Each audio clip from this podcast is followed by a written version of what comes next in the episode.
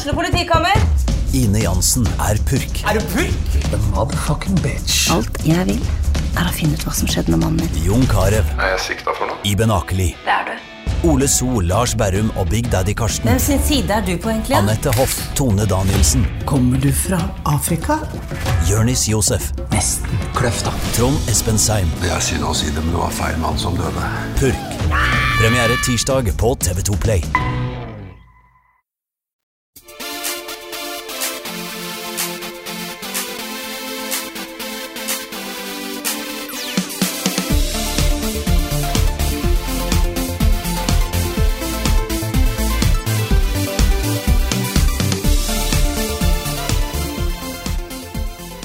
Og velkommen til en ny episode av Level Backup med meg, Frida Danmo. Og som vanlig har vi med oss eh, Rune Fjell Olsen og Karl Martin Hogsnes. Hallo! Hallo, hallo. Det var, noe, og... det var noe litt annerledes i dag. Ja, det er liksom noe som mangler litt, tror jeg. Ja, det var en litt annen stemme som sa velkommen, og det var litt sånn, jeg vet ikke, jeg, jeg, plutselig så havna jeg i en litt sånn rar verden her nå. Ja. Nei, Situasjonen er jo sånn at øh, Lars har begynt å jobbe som PT, personlig trener. Yes. Uh, og det er dessverre på torsdager. Så vi måtte sette oss ned og finne ut hva kan vi gjøre med podkasten da. Og i starten så var det bare deg og meg, Carl. Det var jo når vi starta podkasten for ganske mange år siden nå. Da het det noe annet og Ja, det var vel, er vel fem års tid siden nå, tenker jeg. ja, begynner å nærme seg noe sånt. Så var det bare oss to. Men etter at vi begynte å introdusere liksom faste, fast tredjemann og sånne ting, med Lars eh, og så videre, og gjester og så videre, så jeg har ikke lyst til å bare sitte oss to igjen. Nei, det, det blir en annen dynamikk når vi er tre. Det gjør det. Jeg synes det. Og da hadde vi jo en, eh, en åpenbar, eh, soleklar kandidat til å, til å fylle de store skoene til Lars, og de er ganske store, de skoene. Sånn både bokstavelig talt og overførbart metaforisk. ja. Ja, Veldig sånn poetisk. Ja, riktig. Så, så vi vil, ville veldig gjerne ha med deg, Frida. Og da tenkte vi hva om vi i tillegg eh, gjør litt endringer på podkasten? Bruker det som en anledning til å eh, fornye den litt og puste den opp og kanskje introdusere et par nye spalter eh, og sånne ting. Så da tenker vi ok, Frida, programleder. Eh, Carl og meg eh, bare med. Og så skal du styre showet, Frida. ja. Yes. Så sånn sett kan vi jo eh, si velkommen til nye Level Backup. Ja. Så ja. New super level backup. You. You. 3D, 2DS 3D World. Deluxe. Adventures. Deluxe. Deluxe er viktig. X. Men noen ting skal vi jo ha fast, som eh, hva vi har spilt i det siste.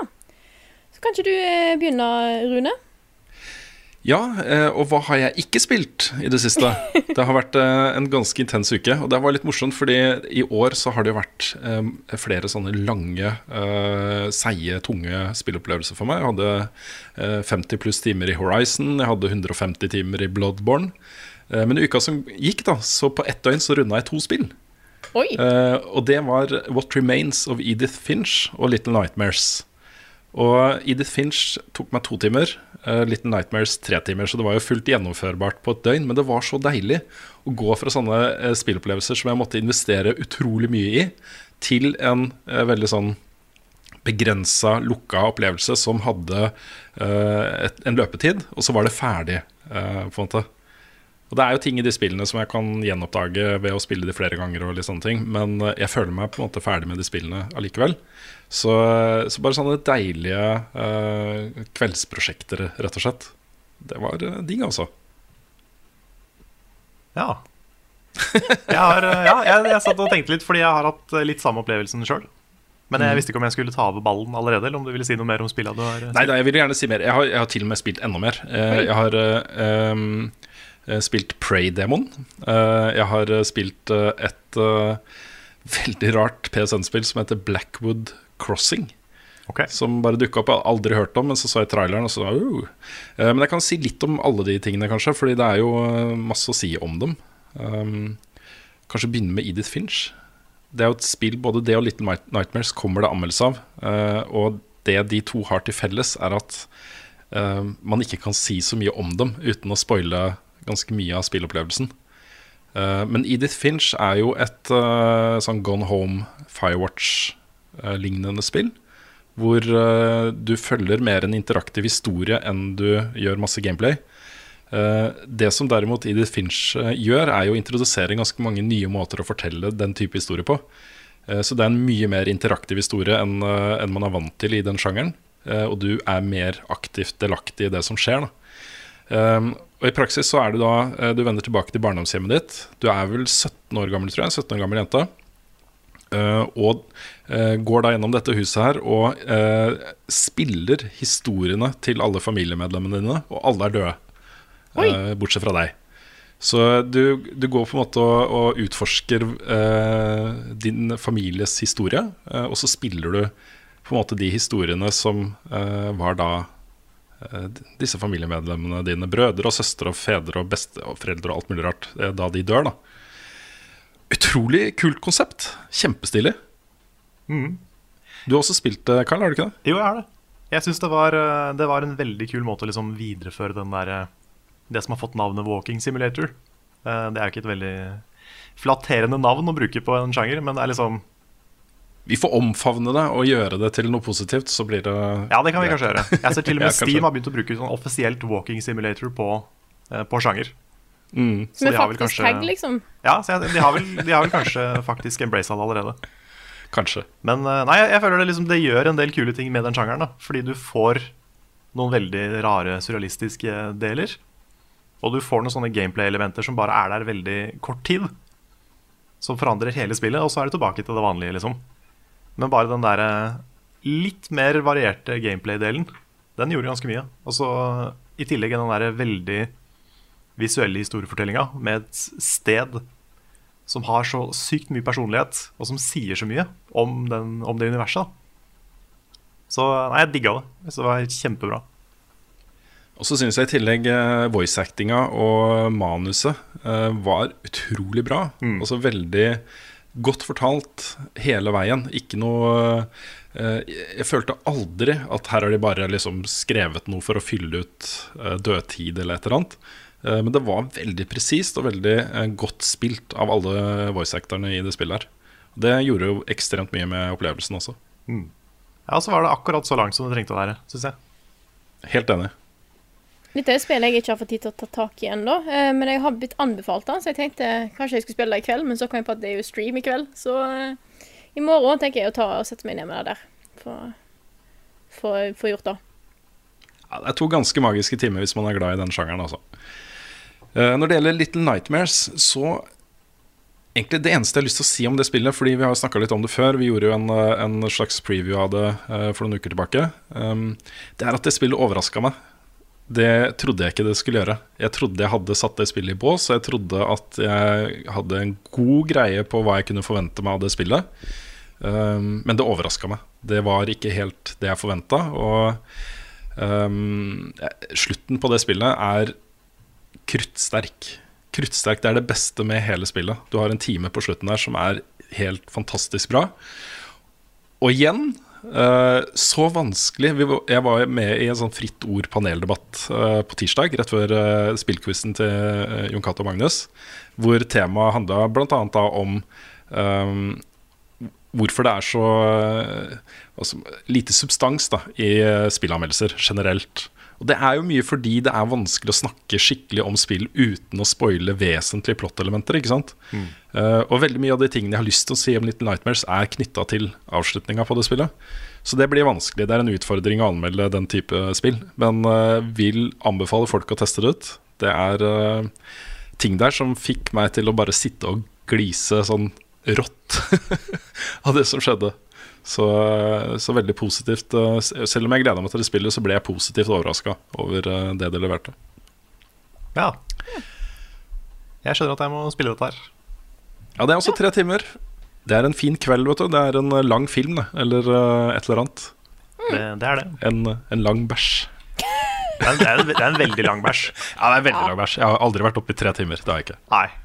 Nei da, da vil jeg gå til legen hvis du, hvis du bæsjer i tre timer. Da har du et problem. Ja, da, det, er ikke, det. er ikke sunt, Nei. rett og slett. Men det mest interessante spillet som kommer for meg nå, da, det er jo Prey. Det er jo et spill jeg har gleda meg ekstremt mye til. Eh, det er jo laga av uh, Arcane Studios, som også lager eh, Dishonored. Eh, det er en del veldig bra folk fra andre studioer eh, i dette teamet her. Det er ikke det samme teamet som lager Dishonored-spillene, men de har lånt teknologi, de har lånt eh, inspirasjonskilder og sånne ting. Eh, og utgangspunktet til utviklerne har jo vært eh, å lage noe som er inspirert av Bioshock, System Shock, Dishonored. Eh, et spill hvor du eh, Veldig mye av historiefortellinga går på liksom hvor mye du gidder å utforske, hvor mye du, måten du spiller på, om du skal være veldig action, actiontung, eller om du skal drive mer med sniking og utforsking osv. Og, uh, og den demoen der, det, er den første, det er jo den første timen av spillet, er noe av det kuleste jeg har sett uh, i spill på veldig lenge. Altså. Måten den introduserer oss til den verden her på. Hmm. Så, så, det her har jeg fått uh, utrolig høye forventninger til. Det lanseres jo nå uh, i fredag. fredag. Det jeg har lyst til å si om det spillet, er at uh, jeg spilte det på PlayStation 4, og det skal jeg ikke gjøre med fullversjonen av spillet. Okay. Det, var utrolig klønete. Og jeg føler det er liksom sånn som ting var litt før. da Når du tok uh, opplagte PC-spill og ga det ut på konsoll, så ble det ikke gjort så mye arbeid med uh, å tilpasse spillet til at du sitter med en kontrollstikke istedenfor mus og tastatur. Og Sånn føltes det her. Det er veldig mange små punkter på skjermen du må liksom se på for å interagere med. Uh, og det å sitte med den stikka da, liksom treffe akkurat det punktet, det å sikte på ting som kommer mot deg, uh, og er liksom ved føttene dine og så rett bak deg og sånne ting. Det var så mye av det, da. Så jeg satt liksom hele tiden og følte meg som en superkløne da jeg spilte det. Og tenkte det, det går ikke. Her må jeg ha mus. Så ja. Hmm. Nei, jeg har hørt, jeg har hørt det samme om Edith Finch, faktisk. At det også har litt problemer på PlayStation. Jeg vet ikke hva problemene er, men jeg hørte at de anbefalte veldig at man spilte PC-versjon. Ja, ofte så er det når du har den type ting da, hvor du må, se, du må se på et sted for å interagere med det, så brukes det ofte litt sånn auto-aim. at det snappes til det punktet du skal se på når du bruker kontrollstikket. eller at den hitboksen for når du faktisk treffer det punktet, utvides på konsoll. Sånn at uh, den følelsen av å liksom flytte blikket ditt for å interagere med noe, ikke blir så klønete. da um, Edith Finch var litt sånn det også, men det er ikke fullt så mye av det. Det er ikke så Du kommer inn i et rom, og så er det en del ting du skal se på, sant? men det er mye mer oversiktlig. Det er ikke, uh, det er ikke den jevne, konstante liksom treffe bitte små punkter. Du skal f.eks. i Pray så skal du interagere med skjermer. Og noen av de stedene du skal interagere med, er liksom sånne flate striper på skjermen. Du må treffe akkurat inni den lille stripa. Uh, og det, det, Jeg klarer ikke det uten å føle meg litt uh, teit og klønete. Så det er ikke noe, ikke noe PC Master Race-innspill uh, i debatten, dette her. Men dette spillet tror jeg er best på PC. Da skal jeg ja. ta og prøve det på PC. Pray Master Race. ja. Det siste spillet har jeg ikke tenkt å si sånn voldsomt mye om, fordi jeg har ikke spilt mer enn en times tid av det. Uh, Blackwood Crossing. Det hender jo at det dukker opp spill også på PSN som jeg ikke har hørt om, uh, men som virker interessante. Og sånn, er det jo, uh, sånn har det jo vært lenge på Steam og IOS og sånne ting. Ikke fullt så ofte på, på PC-en. Um, men dette spillet her Det er sikkert ute på PC og sånt også, dette spillet, tror jeg. Men det var der jeg fant det. Uh, er jo også en sånn walking simulator-lignende sak. Um, hvor uh, Det er så vanskelig å beskrive det, men du, er, du starter på tog. Uh, du spiller som en, en, ung jente, sånn i tenåringene ca. og broren hennes er der også. og så møter du liksom Først så ser du en, en, en person da, med en sånn kaninmaske som ser litt skummel på deg. Og så eh, forsvinner broren din inn i et sånt svart hull, lignende ICO-tingene. Og så plutselig så er det masse folk på det toget her med forskjellige masker, og du må gå bort og snakke med dem og få dem til å si ting og finne ut hvem de er. Og sånne ting Og dette er da representasjoner av folk fra ditt uh, virkelige liv. da Det er besteforeldrene og foreldrene og venner og sånne ting som har sånne små historier som du må avdekke. Og så kommer de inn i en vogn hvor det plutselig begynner å vokse trær. Uh, og går en stige opp til et uh, trehus. Og på enden av vogna så er det plutselig ute på liksom, et, sånn greenhouse med masse planter, og du ser utover en eng, og toget er ikke der lenger. Det, sånn er det spillet, da. og det er uh, jeg, vil, jeg vil ikke si jeg vil anbefale det, men eh, jeg er fortsatt intrigued. Jeg er fortsatt sånn at jeg tenker jeg har lyst til å se hvor dette bærer, og hva meningen med alt dette her er. da um, Og så syns jeg det var forfriskende å bare kaste meg ut i et spill som jeg aldri hadde sett eller hørt noe om fra før. Bare for å se om det var noe. Ja, kult. Takk for meg. Har du lyst til Ja. å fortsette, Carl? Jeg kan fortsette. Eh, Jeg har jo spilt eh, sammen som Rune i Edith Finch. Men jeg har også uh, runda enda et spill eh, fra start til slutt. Og det er jo eh, et spill som vi begynte på på stream for noen uker siden. Nemlig Shovel Knight Spectre of Torment. Uh, Og eh, det er jo Altså, hvis man digga Shovel Knight, som jeg gjorde, så er det veldig verdt å spille dette her. Det er jo en DLC med en ny figur. eh, helt nytt moveset, så det er jo helt annen type gameplay enn det Shovel Knight har. Eh, og det er også helt nye baner. Så alle liksom, selv om det er samme locations, så er det helt annet oppsett på hvert eneste brett. Så det er jo egentlig et nytt spill, dette her. Og nå har jeg ikke spilt den eh, Plague of Shadows som kom før den her, men jeg har lyst til å gå tilbake og spille det nå, fordi jeg syns den delelsen her var kjempebra. En kul liten historie og alt mulig. Så det, det kan anbefales. tøft. Eh, og I tillegg så har jeg spilt en del eh, Mario Kart 8 Deluxe. Og Ja. jeg har testa Battle Mode online, blant annet. Og jeg spilte jo litt Mario Kart 8 online da det kom ut på Wii U. Men uh, gikk litt fort lei fordi jeg var så dårlig. Og liksom alle, jeg følte alle kidsa som spilte, var flinkere enn meg. Så jeg kommer liksom på sånn 7.-8.-plass hver gang. Og da, da var det litt for vanskelig. Men jeg fant ut at jeg er jo dritgod i battle mode. Det vil si, enten, enten så er jeg det, eller så er alle like dårlig. Sannsynligvis er alle like dårlig fortsatt. Men uh, bare den følelsen av å vinne litt av og til, da var det gøy. Da var det plut plutselig gøy å spille Mario Kart på, på nett. Så uh, nå har jeg kost meg. Jeg synes den, Det er ganske mange nye battle modes også. Så det er jo fem forskjellige modes. Sånn blant annet uh, ikke Capture the Flag, men Steal the Shine er det da i, i Mario Kart. Og sånn coin-samling og bombehiving og mye sånne ting. Så det er, synes det er kult. De har gjort en del stilig ut av den battle-moden. altså. Og det er jo den ene tingen som mangla i originalen. Ja, og så er det mange som har kritisert bl.a. battle mode i forrige spill til ikke å være så god, da. Virker det som at eh, Jeg har ikke fått testa den, ennå, Det står til nedlasting nå. Men eh, virker det som at battle moden har kommet seg litt nå, da? Ja, veldig. Den er, den er mye bedre nå enn den var. Det var vel, så vidt jeg husker, i åtteren så var det vel bare et par maps som du kunne kjøre i en ring og skyte på hverandre. Men uh, her så er det en skikkelig mode med mange forskjellige typer uh, Mange forskjellige måter å spille på og sånne ting. Så nå er, det, nå er battle mode gøy igjen. Det syns jeg er kult. Jeg ser også at uh, den deluxe-versjonen av Mario Kart 8 får utrolig gode anmeldelser rundt omkring. Og det er også, uh, så i England, det første Nintendo-spillet som toppet salgslistene på fem år. Oi.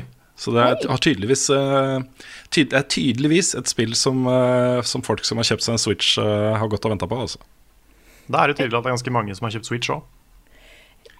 Ja, jeg tror det er en sånn Jeg vet ikke om jeg har sagt det før, men jeg tror at grunnen til at salgstallene her er så høye på bl.a. Mario Kart nå, er det at kanskje det er flere som har kjøpt Switch enn som hadde Wii U.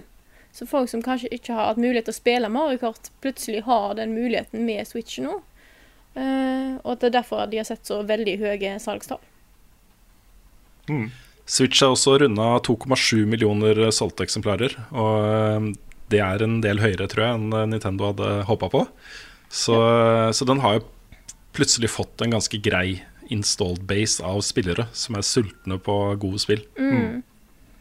Ja, det er vel den kjappest selgende Nintendo-konsollen noen gang, så vidt jeg har skjønt. Ja. Jeg, jeg har vanskeligheter for å tro at eh, den selger raskere enn Wii, altså.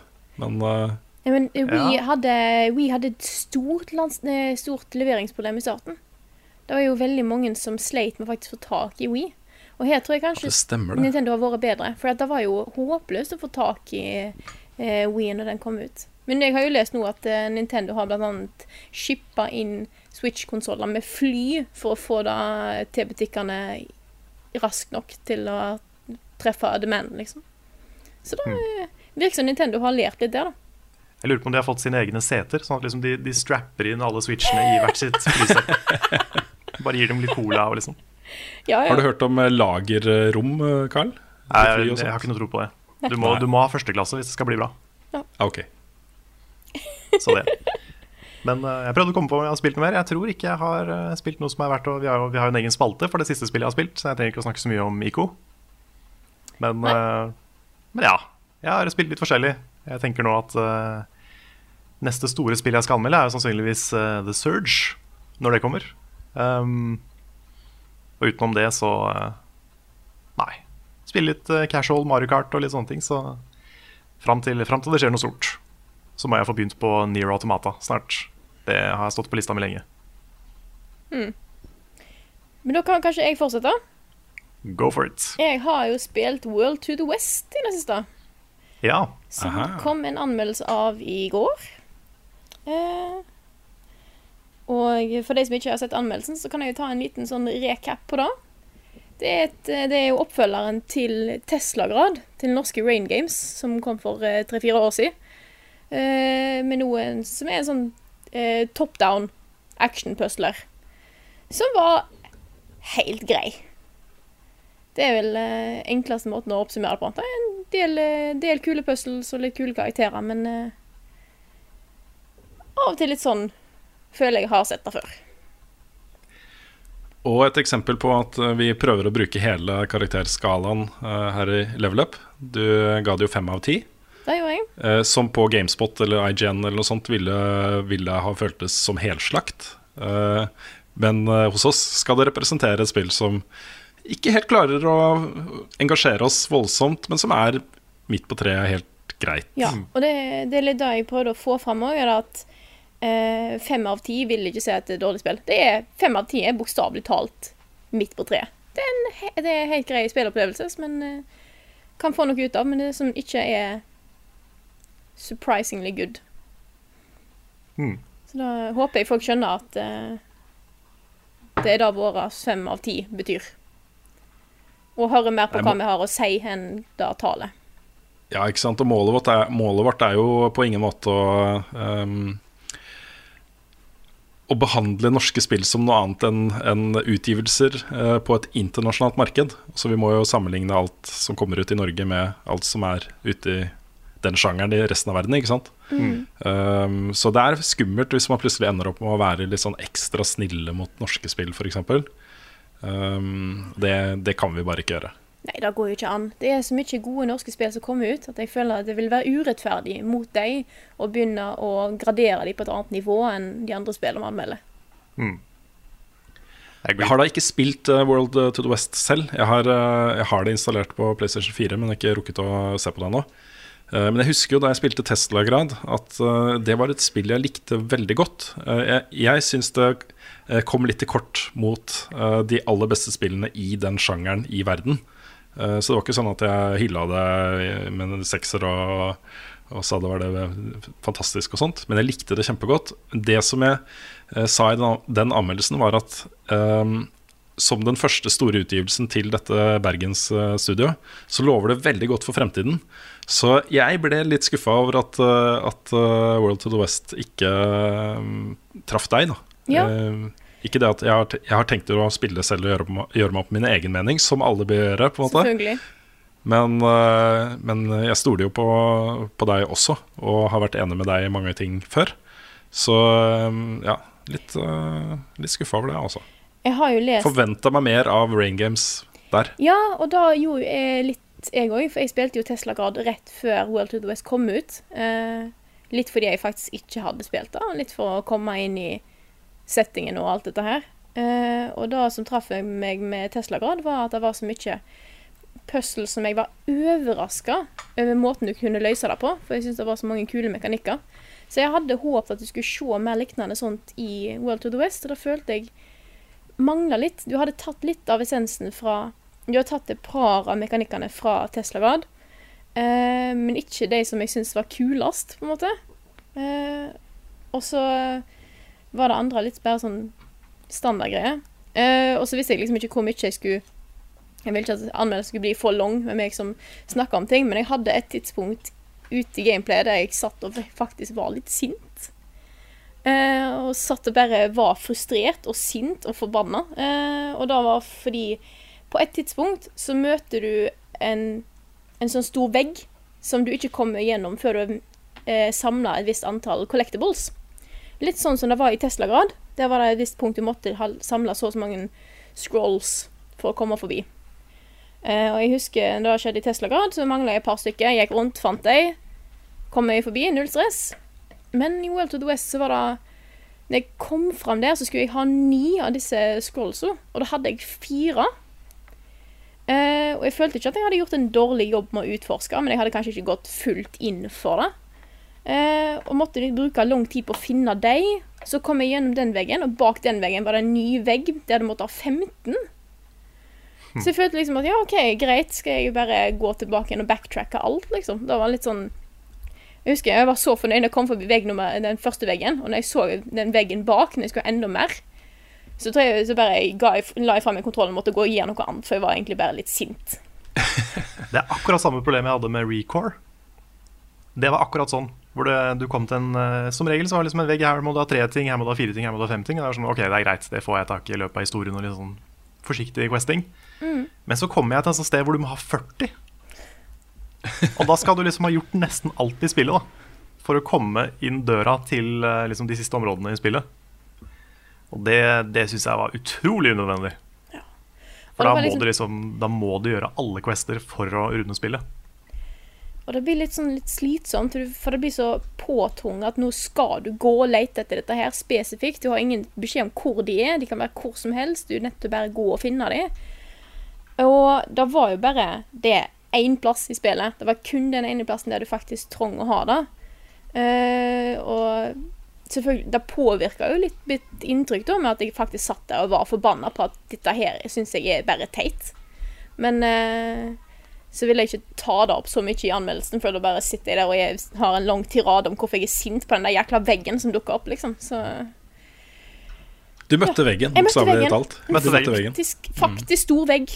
Så var litt sånn En blanding av eh, frustrerende og ja, alt sånt. Det som eh, Altså, den type uh, hindringer i progresjon uh, er jo brukt ganske mye i spill, men som regel uh, så åpner jo den type ting valgfrie ting. Altså valgfrie sideoppdrag eller eh, tilgang til en eh, rustning som er spesielt fet, eller et eller annet. Liksom. Noe du ikke må ha for å fullføre spillet, men som er veldig kult hvis du først har brukt den tida på å utforske hele denne verden for å finne alle disse tingene som gjør at du kommer deg inn der. Eh, I uh, Horizon eksempel, så var det jo en rustning der som uh, du finner ganske tidlig i spillet, men du må ha spilt omtrent hele spillet for å kunne få tilgang til alle de tingene du trenger da, for å komme inn der.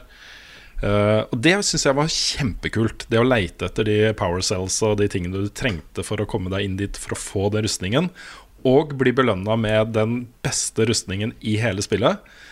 Det var kjempekult, men man måtte jo ikke ha den for å fullføre spillet. Nei. Og tingen at dette er jo et problem som sikkert ikke alle kommer til å møte på. Da spørs jo bare hva grad du er ivrig på å utforske ting og gå gjennom hvert område helt nøye. Eh, Så det kan jo bare tyde på at jeg kanskje var litt ivrig med å komme meg videre og se hva som skjedde og sånne ting. Kanskje mer i et press for å være sikker på at jeg blir ferdig med spillet innen tidsfrist og alle sånne ting. Eh, Men jeg følte liksom ikke at jeg gjorde en så veldig dårlig jobb heller.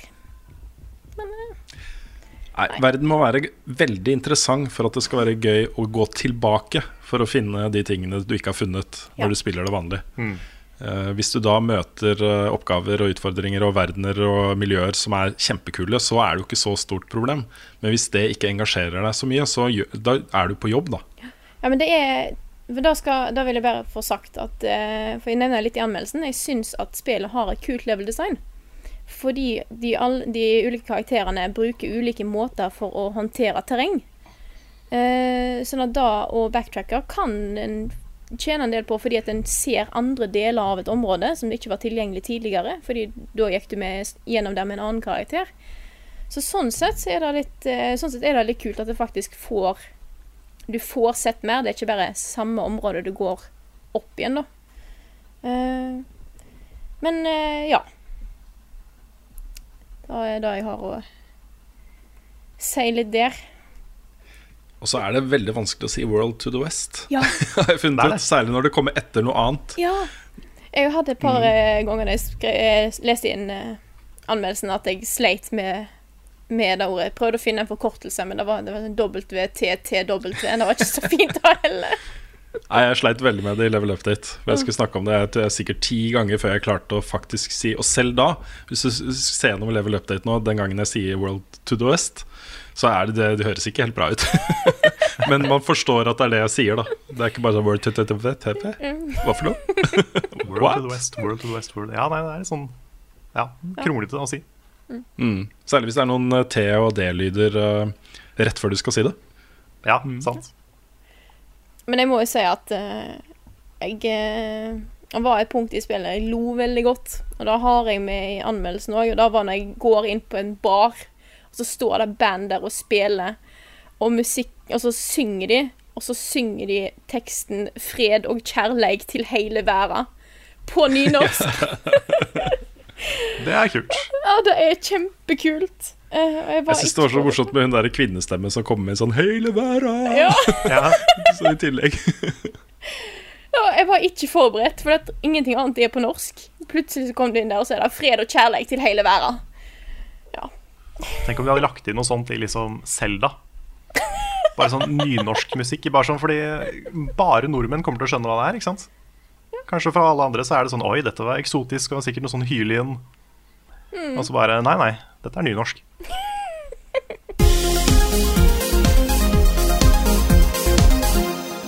Da skal vi starte på en ny spalte her, folkens, som vi aldri har hatt før. Og da er ukens anbefaling. Ja, tanken der var jo altså Vi kommer jo med anbefalinger som ikke har med spill å gjøre hele tiden. Men tanken var å da eh, pakke det inn til en spennende ny spalte isteden. Hei. Og så eh, ha det fast. At vi bitte litt på å anbefale noe. Det kan være egentlig hva som helst eh, utenfor eh, spill. Noe vi har sett eller gjort eller spist eller hva som helst, eh, egentlig.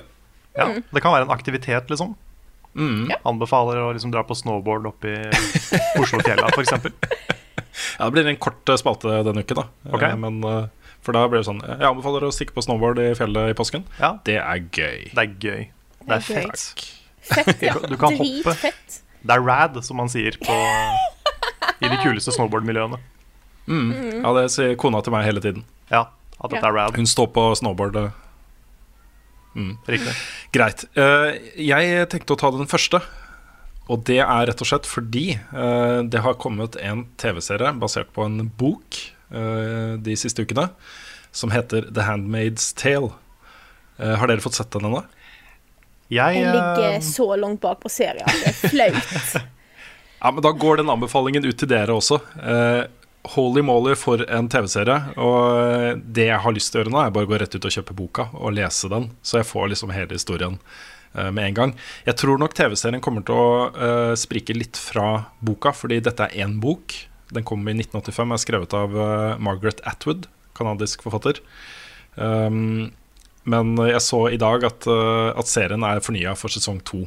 Og når på en måte ikke de har visst da, om de får en ny sesong eller ikke, så tenker jeg at de har sikkert Jeg vet ikke om de har avslutta på, på samme punkt som i boka, eller om de har latt slutten være mer åpen, eller Så det, det kommer til å være en ny type opplevelse basert på den samme historien. Uh, men historien er så utrolig brennende aktuell fordi uh, den uh, Du er jo på en måte i et dystopisk fremtidssamfunn, men veldig nær fremtid. Også det, det kunne vært i morgen eller i dag. hvor du får liksom gradvis mer og mer innblikk i hva som har gått galt da, i dette samfunnet i Nord-USA. Det- Jeg vet ikke om det gjelder hele USA, eller om det på en måte er bare dette området i New England uh, som er berørt av det.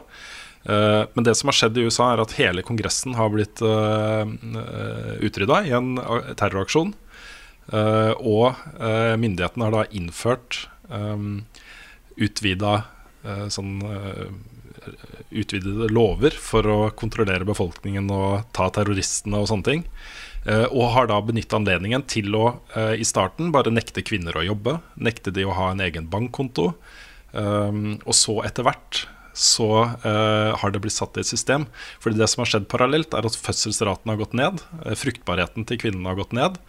Mange klarer nå ikke lenger å få barn, så det å faktisk få barn har blitt en, en, en sånn gode i samfunnet som er veldig ettertrakta og veldig verdifull. Så i praksis så blir da alle fruktbare kvinner blir slaver for eh, overherrene i dette samfunnet. Og det er da folk som sitter liksom som kommandører av hæren og uh, politisjefer og, og sånne ting. De får en handmaid inn i huset sitt som uh, skal gi dem barn. Basically. Wow. Så du følger da, du følger da en av disse, som er åh, Nå husker jeg ikke hva hun heter i farta, men hun hadde jo en fantastisk rolle i, i Mad Men også. Uh, som blir da en handmaid for uh, Ralph Fine, spiller han eh, kommandøren hennes. Og det er jo så, det er så fælt å se på, også det samfunnet her, fordi det ligger så tett opp til på en måte strømninger i dagens samfunn. Da. Eh, Du tenker at dette kunne faktisk ha skjedd. Og så her- her får vi se da, eh, en konsekvens av eh, den type lovgivning og den type tankegang. Veldig, veldig bra, altså. Jeg husker du, du nevnte den til meg i går. Mm. Uh, så jeg tenkte jeg skulle se en episode i natt uh, før podkasten i dag. Jeg endte opp med å se alle fire. Og du har sett den? Jeg har sett den. Jeg har sett alle fire Ja, så bra. Så det, Ja, så det, var, jeg ble helt oppslukt med en gang.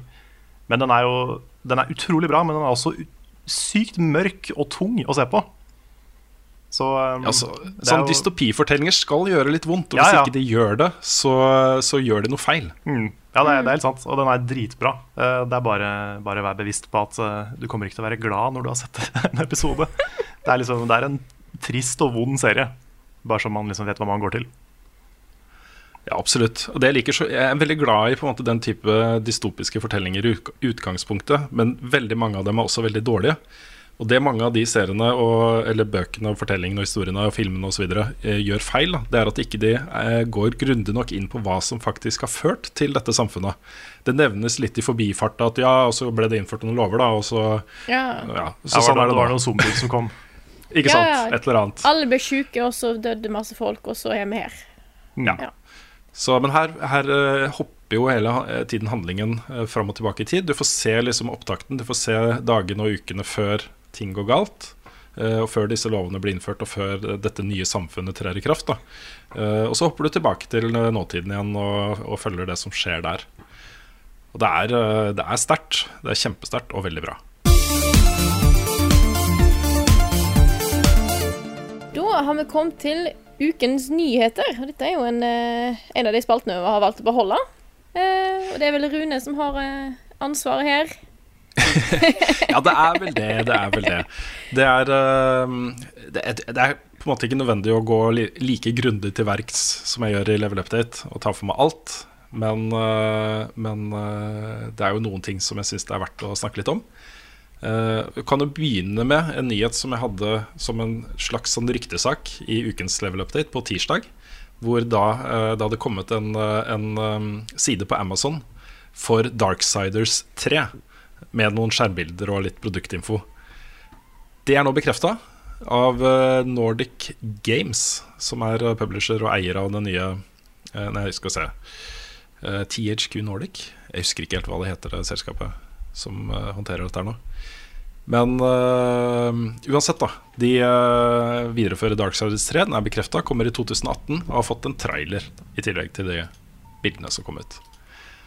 Jeg vet det er mange som er glad for dette her, fordi Darksiders-spillene har gått litt under radaren. Men de som har spilt de spillene, uh, veldig mange av dem, av dem har blitt veldig glad i dem. Uh, og for en stund siden så ble jo Vigil Games, som lagde disse spillene, nedlagt i forbindelse med hele THQ-konkursen. Og øh, folk trodde jo at det ikke ville komme mer Darksiders. Men så har da øh, tidligere ansatte i Vigil lagd et nytt studio, øh, fått tilgang til lisensen, og lager da Darksiders eh, 3. Så mange som er happy for det, altså. Det var vel en historie som ikke var helt ferdig fortalt da, var det ikke det? Fordi du har, du har jo en, et visst antall sånne hovedpersoner. Så hadde, du spilte som Death i toeren, gjorde du ikke det? Death i toeren. I den første så Åh, jeg husker ikke. Jeg har bare toucha innom disse spillene selv. Jeg har ikke spilt noen av de gjennom. Jeg har spilt litt av eneren og litt av toeren. Ja, ok. Så det er vel en ny hovedperson for, hver, for hvert spill, ikke sant?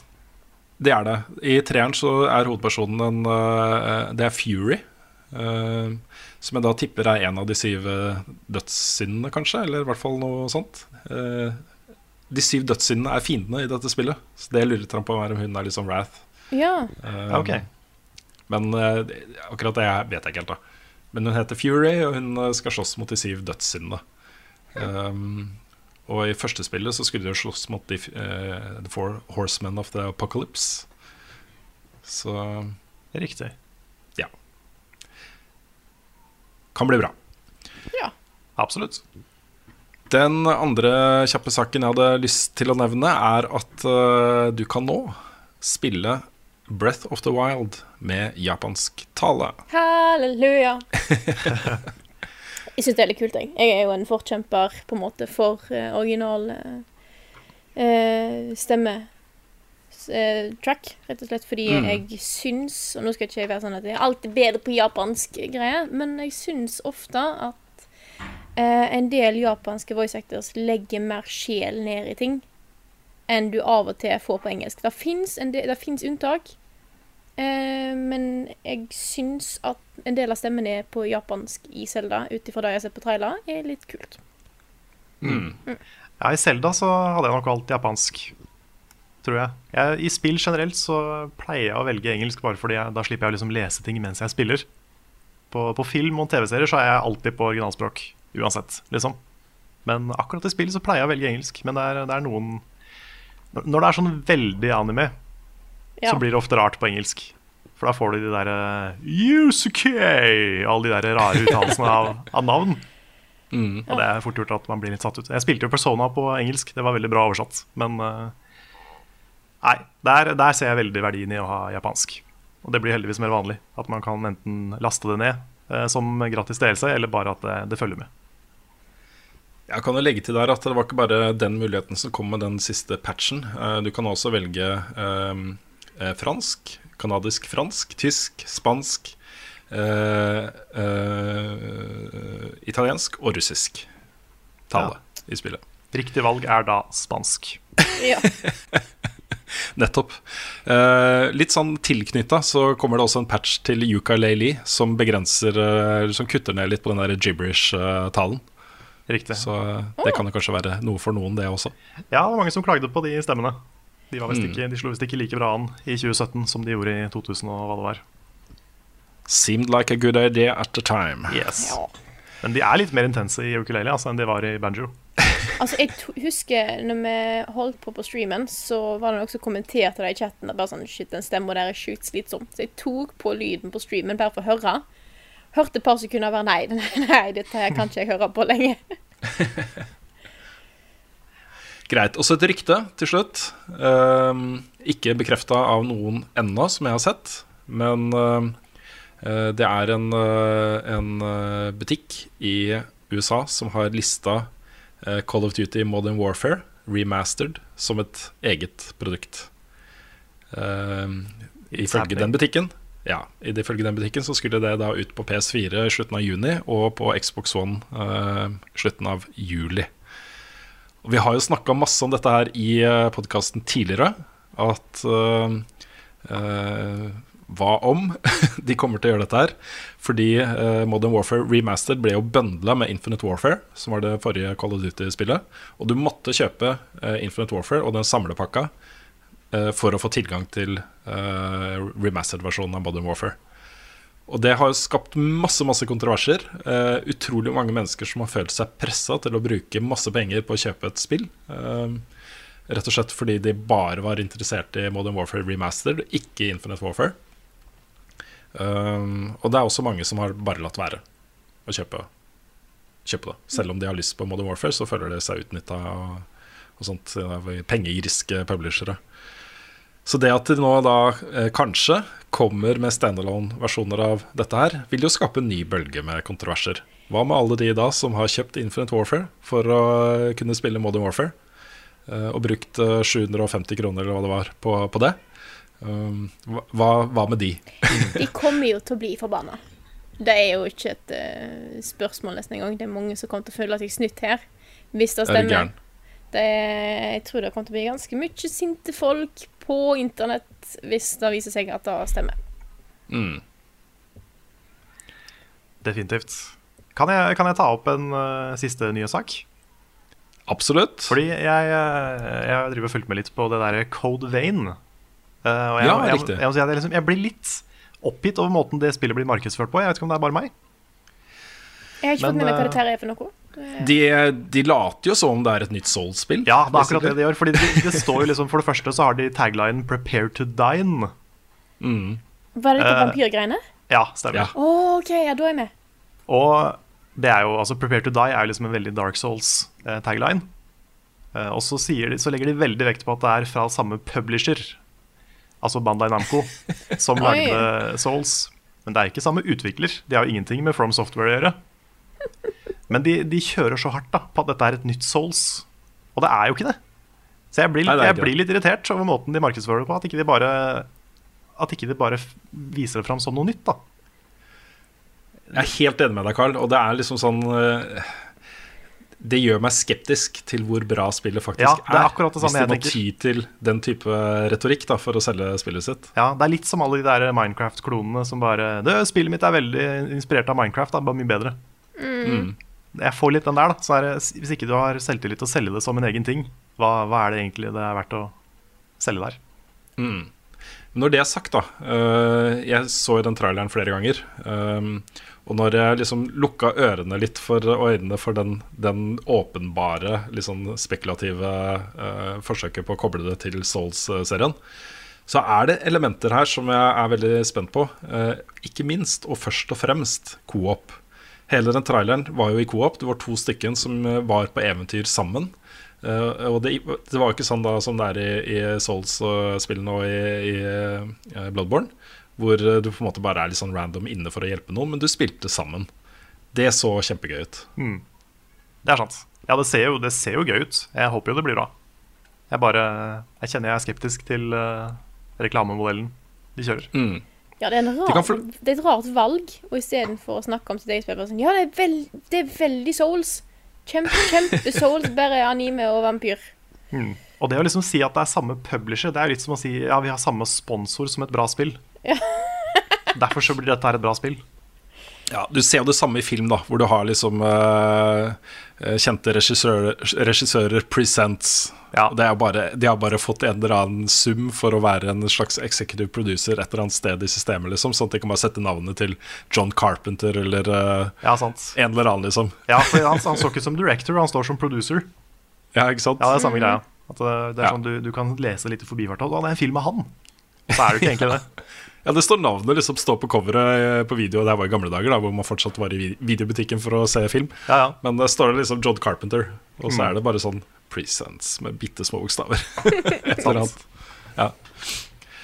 Nei, jeg vet ikke, jeg, altså. Eh, Jeg ble veldig satt ut også av, eh, av um, dialogen i dette spillet. Det var mye sånn utrolig bullshit-svada som ble sagt av disse rollefigurene. Okay. Så jeg klarer, ikke å, jeg klarer ikke å huske nøyaktig hva det var uh, her og nå. Men det var sånne ting, et eller annet eh, ja, sånn høytsvevende ting som does not make sense i det hele tatt. Så eh, jeg vet ikke, jeg, også. Nei, vi får, eh, vi får se. Det kommer sikkert litt mer info på E3, tipper jeg. Så kanskje vi får et litt tydeligere inntrykk rundt den tiden. Og så fin kontrast da til uh, The Surge, som du snakka om i stad. Eh, som jo hele tiden alle har fått med seg at eh, det er inspirert av Dark Souls. Eh, og hvis man ser gameplay-video fra det spillet, så skjønner man jo at det er inspirert av Dark Souls. Men det er jo ikke et, det er jo ikke et sånt poeng som de pusher, annet enn å si at ja, vi er inspirert av Dark Souls. på samme måte som sant, mange andre spill er inspirert av andre ting som teamet liker veldig godt. Da. Så Ja, det er sant, fordi de lagde jo Lords of the Fallen før de lagde mm. Research. Og det var jo så å si en Dark Souls-klone. Eh, Ja. Det var jo ikke like bra som Souls, men det var, eh, det, det var veldig likt. da Du ser jo på en måte at dette er et forsøk på å lage Dark Souls. Så jeg tenker, med dem så er det sånn hvis ikke de nevner det, så er det dummere enn å nevne det. Fordi det er veldig tydelig.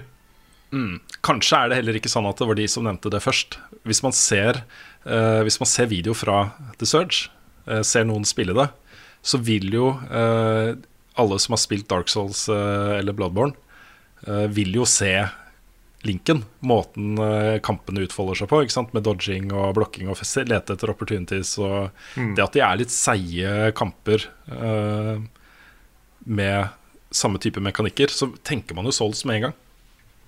Ja da, man gjør det. Hashtag litt sånn som Dark Souls. Da har vi kommet til enda en ny spalte i nye Level Backup, nemlig ukens tema. Og det var da vel Rune som skulle starte med, var det da? Nei, Nei, det var Karl. Det var meg. Ja. Det var meg Ja. denne uka her. Har ikke Ja, tank, tanken er jo eh, egentlig bare å, å mm, bare sette en ramme rundt diskusjoner vi har lyst til å gjøre på temaer som opptar oss eh, fra uken som har gått. Det kan være brennende aktuelle temaer som mikrotransaksjoner eller eh, et eller annet. Eller det kan være mer ting vi har gått og tenkt på en stund. Eh, kanskje noe som preger, preger samtiden. Eh, og det er jo i hvert fall det første temaet. er veldig uh, i vinden om dagen, Carl. Det er det absolutt. Jeg tenkte vi kunne prate litt om eh, japanske spill. Fordi spesielt i PlayStation 3, Xbox 360, Wii-generasjonen så var det liksom færre bra japanske spill enn det vi sett, enn det vi så opp til da. Og det var en sånn generell, generell holdning da, rundt omkring om at japanske spill hang litt etter i mange år. Eh, japanske rollespill var liksom ikke like store, det kom ikke like mange bra. Det var noen, sånn som Nino Kuni, som gjorde det kjempebra. Men eh, generelt da, så var det en sånn oppfatning, følte jeg, i spilljournalistikken og rundt omkring om at japanske spill sleit litt. At det var veldig mye fokus på håndholdt og sånne ting. Um, men i år så har jo alt snudd. Nå har eh, alle, nesten alle de bra spillene som har kommet i år, har vært japanske. Du har liksom Zelda, du har Resident Evil, du har Persona, uh, Near Automata. Eh, og, før der så har vi hatt ting som Dark Souls og Bloodborne, som har vært veldig bra. Men spesielt i år, da, og eh, slutten av i fjor med Final Fantasy 15, så har det kommet så utrolig mye bra fra Japan. Så eh, jeg vet ikke, jeg tenkte bare å høre litt med dere. Hva, hva tenker dere? Hva har skjedd? Hva er grunnen til at det, at det falt, og hva er grunnen til at det har kommet tilbake igjen? Den har jo tatt oss litt på senga, egentlig, den utviklingen. Fordi det som var en konsekvens da, av at japanske spill ikke gjorde det så bra som de hadde gjort før, og at Vesten tok litt mer over det spillhegemoniet, var på en måte powerhouset innenfor spillutvikling, var jo at veldig mange av de store japanske spillstudiene skifta fokus fra tradisjonelle PC- og konsollspill til eh, mobilspill, eh, web, eh, browserbaserte ting osv. Um, um, Metal Gear skulle bli et pachinko-spill. Altså den type ting. da At det fokuset på å lage store uh, uh, konsoll- og PC-spill forsvant litt. Uh, det at på en måte den biten plutselig er så dominert av Japan allikevel, tyder jo på at noen har, uh, noen har bare gått under radaren litt der og så tatt, grepet situasjonen og forstått hva som kan slå an både i eh, Japan, men ikke minst eh, i Vesten, å og få et publikum. Eh, og jeg tror nok mye av skylda må legges på eh, de japanske publisherne og utviklerne, som eh, i en periode kanskje ikke la like mye sjel i det de lagde. At de kanskje lagde mer ting ehm, som de trodde kanskje kom til å slå an i Vesten, uh, fordi de visste at de måtte gjøre det, men som kanskje ikke var uh, utviklet av en kjærlighet for det de holdt på med, da, som handla mer om det å tilpasse seg et marked som var vanskelig for dem, enn å lage noe som kom liksom fra sjel og fra hjerte, og som hadde uh, mye lidenskap i seg. da. Uh, og fellestrekket for alle disse spillene er jo at dette er kjærlighetsprosjekter. Liksom. Dette er ting som har en tydelig skaper, og som har en tydelig uh, visjon, uh, og som prøver å formidle noe ektefølt. Um, og det er jo det som er eh, grunnleggende for spillsuksess uansett. Uh, greit, du kan, du kan sette deg ned og lage en, en formelbasert spillopplevelse og ha kjempeflaks, eller være veldig god på markedsføring og så treffe og så gjøre det kjempebra. Eh, særlig på mobil. Uh, men du klarer ikke å lure millioner av eh, spillere til at spillet ditt er bra. Altså. Du gjør ikke det. Nei, sant. Men en, en trend som jeg merka i spillbransjen generelt, det er denne greia hvor publisher bestemmer seg for at den sjangeren her ikke funker lenger. Du hadde en lang periode eh, da 3D kom, hvor liksom ingen satsa på 2D, for det var det ikke noe å hente i lenger. Og eh, det var en periode som skrekkspill, singelplay skrekkspill, var helt ut. Da måtte indie-folk komme inn og bare gjenopplive den sjangeren. Og jeg føler i det siste så har det vært litt det samme da, med turbaserte spill. Og veldig mange sånne typisk japanske sjangere. Hvor eh, publisher og folk har tenkt at liksom, dette her funker ikke lenger. Nå må vi lage noe annet. Det må være aktivt, det må være action. ikke sant? Men så kom jo liksom Bravely Default og ble en kjempesuksess for Square Enix, og de sitter der og bare Oi! Det går an å selge turbaserte spill.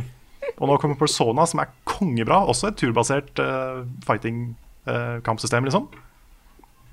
Så jeg ikke, jeg skjønner ikke helt hvor den der kommer fra. At uh, folk tenker at liksom nei, de spillene her funka ikke, så hele sjangeren er bare oppbrukt. Jeg tror spillbransjen er litt kjapp da, til å trekke den konklusjonen. Det virker som ting går veldig i bølger, da. At, det, at noen sjangere har en veldig dominans en periode. Og lenge så har jo rollespill vært dominert av open world-spill. Mm. Rollespill har ikke vært den JRPG-stilen som det var mye mer før. Eh, eller en stund tilbake i tid var var store spill som Final Fantasy og disse som regjerte på rollespill- eller JRPG-markedet og alt dette her. Og nå har det vært mange spill i i RPG-sjangeren har vært som Skyrim eller Witcher og sånne ting. Og så, når de da kommer tilbake igjen og tester kanskje i RPG-settingen i en, i en annen, på en annen måte Det er litt sånn som Final Fantasy, for da fikk jeg inntrykk av at det var ganske mer åpen verden. Mm. Samme når det gjelder Zelda. At det virker som at de prøver å tilpasse den JRPG-stilen, kanskje Nå er ikke Selda typisk JRPG, da, men dere skjønner liksom tankegangen min her. Eh, til en Til og med det som har blitt vanlig, da. At de kanskje prøver litt nye ting. Ja, litt kombinert med å beholde måte et fokus på det, eh, det som eh, er unikt, da. Kanskje med en del japanske utviklere. Eh, både når det gjelder måten man forteller en historie på, eh, måten man presenterer rollefigurer på, hvordan de snakker med hverandre på. Alt dette her, hva slags type historie det er. da. Eh, hvis du får en miks mellom noe som føles veldig friskt i Vesten, eh, og som er eh, helt åpenbart japansk, eh, men som kanskje er fortalt på en sånn måte som gjør at det blir litt lettere for oss å svelge den og forstå den, da. Så, så kan det bli en ganske interessant miks. Men det er jo det at sånn som Near og Persona eh, selger bedre enn de noen gang har gjort før.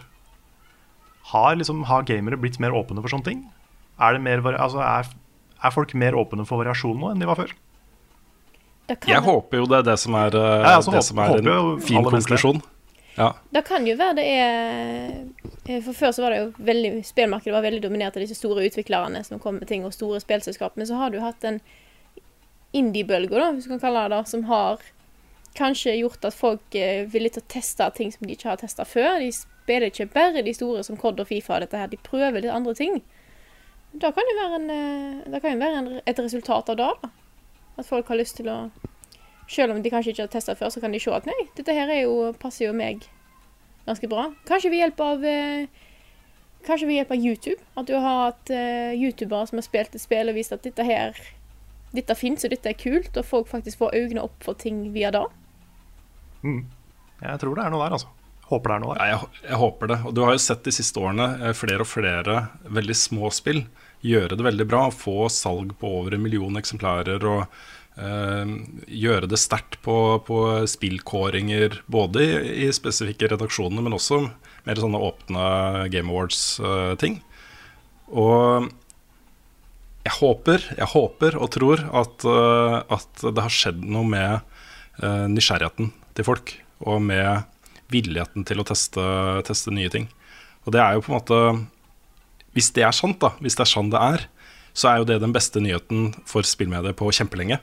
At uh, man faktisk kan leve av å lage ting som ikke følger uh, medstrøms, og som uh, gjør sin egen greie, liksom. Det er det som utvikler mediet vårt, ikke sant. Ja. Jeg, jeg føler i hvert fall uh, sjøl at uh, når jeg prater med folk som spiller spill nå, kontra for ti år siden, så er det mange flere som er generelt spillinteresserte, og ikke bare interessert i én eller to sjangere. Så det, det syns jeg er en kul utvikling, hvis det stemmer. Det er en sånn delvis relatert uh, morsom liten sak fra uka som gikk også, hvor uh, um, eh, ESA heter vel de som er den eh, amerikanske bransjeorganisasjonen for uh, spillpublishere. Uh, har jo i eh, mange år nå rapportert nedgang i spillsalg. Altså den kurven har enten flata ut eller gått litt nedover. Eh, og så viser det seg, da, eh, de har funnet ut nå, at, eh, at det er grunnlagsdataene deres som har vært helt riv ruskende gale. Så den har jo vokst voldsomt de siste årene, det totale salget av spill. Dette handler jo om problemet med å faktisk uh, eh, telle digitalt solgte spill korrekt. Ja, okay. Så, ja, for Hvis så- ikke du tar med digitale spill i vurderinga, så har det jo driti deg ut. Ja. Det har gjort det, men det er på en måte grunnlagsdataene fra det salget har vært feil. Da. Så de har, de har ikke vist så, så høyt salg som er eh, reelt. Så plutselig så går den kurven bratt oppover igjen. eh, Og det betyr jo at det både selges mer spill, og at flere og flere kommer inn i dette mediumet. Og det har vært en litt sånn, for min del, en litt sånn eh, oppkvikker. Det å se den kurven gå oppover igjen. For den har liksom gått oppover hele tiden mens jeg har jobba med spill. ikke sant? Og så plutselig flata den ut og begynte å gå litt nedover, og vi ble lagt ned i VG, og ting ble liksom litt kjipt, da. Eh, men så ser du da uh, massevis av fantastisk kreative, gode spill gjøre det kjempebra. Du ser uh, at salgskurvene uh, peker oppover istedenfor nedover, eller flater ut. Og det gjør meg veldig sånn optimistisk for dette mediet her, da.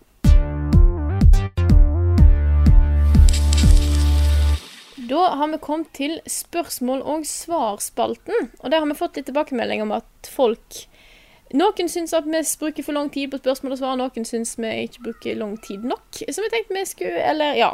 Tenkte, vi tenkte vi skulle prøve å eh, kanskje være litt mer selektiv på spørsmål, og så ser vi hvordan det går. Og så kan folk si ifra om de syns det er kult eller ikke. Yes. Ja, hvis, hvis, øh, hvis øh, man kan, kan legge et slags tema da, for denne første podkasten med deg som programleder, Frida, så er jo det at vi prøver å stramme den inn litt. At vi kanskje prøver å finne en litt fastere form på den. Og en av de tingene vi kan teste ut litt av, det er jo å ha et litt, sånn, litt mer selektivt spørsmål og svar-segment på slutten. Så får vi se. Vanligvis så prøver vi å svare på så mye som mulig. Eh, ofte så flyter det kanskje litt mye ut. Så, så vi får se. Ja. Vi har en tendens til å snakke mellom, av, om alt mulig rart, som ikke nødvendigvis eh, har med spørsmål å gjøre engang. Så la oss eh, se hvordan dette her det går. Det er helt sant. Og kom gjerne med masse feedback, fordi dette er jo, vi gjør litt eksperimenter nå, så bare fortell oss hva du syns. Så tar vi all tilbakemelding med oss. Mm. Men da kan vi begynne med et spørsmål. Jeg har, eh, jeg har prøvd å samle inn litt spørsmål fra både Facebook og Patreon, og så har jeg selvfølgelig glemt å finne ut eller, jeg- husker ikke helt hva slags de er henta fra hvor hen, men jeg har i hvert fall navn på de. Og vi kan begynne med et spørsmål fra Sindre Brodal, som har et eh, har et problem. Han skriver De siste årene har jeg drevet med spill som blir sett på som veldig kompetitive. League of Legends, Counter-Strike eller Overwatch og lignende. Når jeg prøver å sitte med et singelplayerspill som ikke har kompetitiv grinding i seg, ender jeg opp med å bli lei etter en kort stund. Har flere spill jeg burde kommet meg gjennom, som Dishonored 2 og Watchdogs 2. Har dere noen tips eller spill som vil få meg tilbake til gode singleplay-opplevelser? Ikke gape over for mye. Eh, Kast deg ut i spill som Inside, Little Nightmares, den type spill. Altså, jeg føler meg ganske trygg på å kunne anbefale i hvert fall Little Nightmares og Inside til de fleste som er interessert i spill. Um, de har nok på en måte tradisjonelle spillmekanikker og føles nok som spill til at eh, det kan appellere da, til eh, veldig mange eh, bare generelt spillinteresserte. Og det som det gjør med deg, at du faktisk klarer å sette deg med et spill, få en begynnelse, en midt, en slutt, en konklusjon, du er ferdig med det kanskje på en kveld, det vekker appetitten, altså. Det vekker appetitten på uh, å gjenta den opplevelsen uh, med andre spill. Så det er egentlig mitt tips. Eh, velg noen spill med litt kortere lengde, som er kjent for å være bra. Så skal du se at lysten kommer tilbake. Det er et godt poeng, det. altså. Det kan, det kan føles litt sånn tiltak å starte på et spill som du vet at det er 80 timer langt. liksom. Så nei, jeg slenger meg på den. Ja, for både Dishonored eh, 2 og eh, Watchdogs 2 er jo eh, tidssluk. Altså Du må investere ganske mye tid i dem for at de skal bli bra. Da, gode, skikkelig gode opplevelser. Um, og det, det er en terskel. Jeg kjenner på den terskelen hele tiden med forskjellige spill. Og hatt den med Dark Souls og Bloodborne og masse spill som jeg vet jeg burde spille. Jeg har begynt på The Witcher 3 flere ganger. Jeg har begynt på Mass Effect-serien flere ganger. eh, men aldri liksom kommet over den terskelen om at ok, her må jeg bare dedikere masse tid til å faktisk komme gjennom. Mm. ta spill enten som er eller som er kort, eller har gode historier, eller uh, sånne ting. Det er, det sett, ikke, ikke, ikke begynn på Ja, nå skal jeg begynne på Persona 5, liksom. Det er, jeg tror ikke det er liksom Ta et som er litt kort.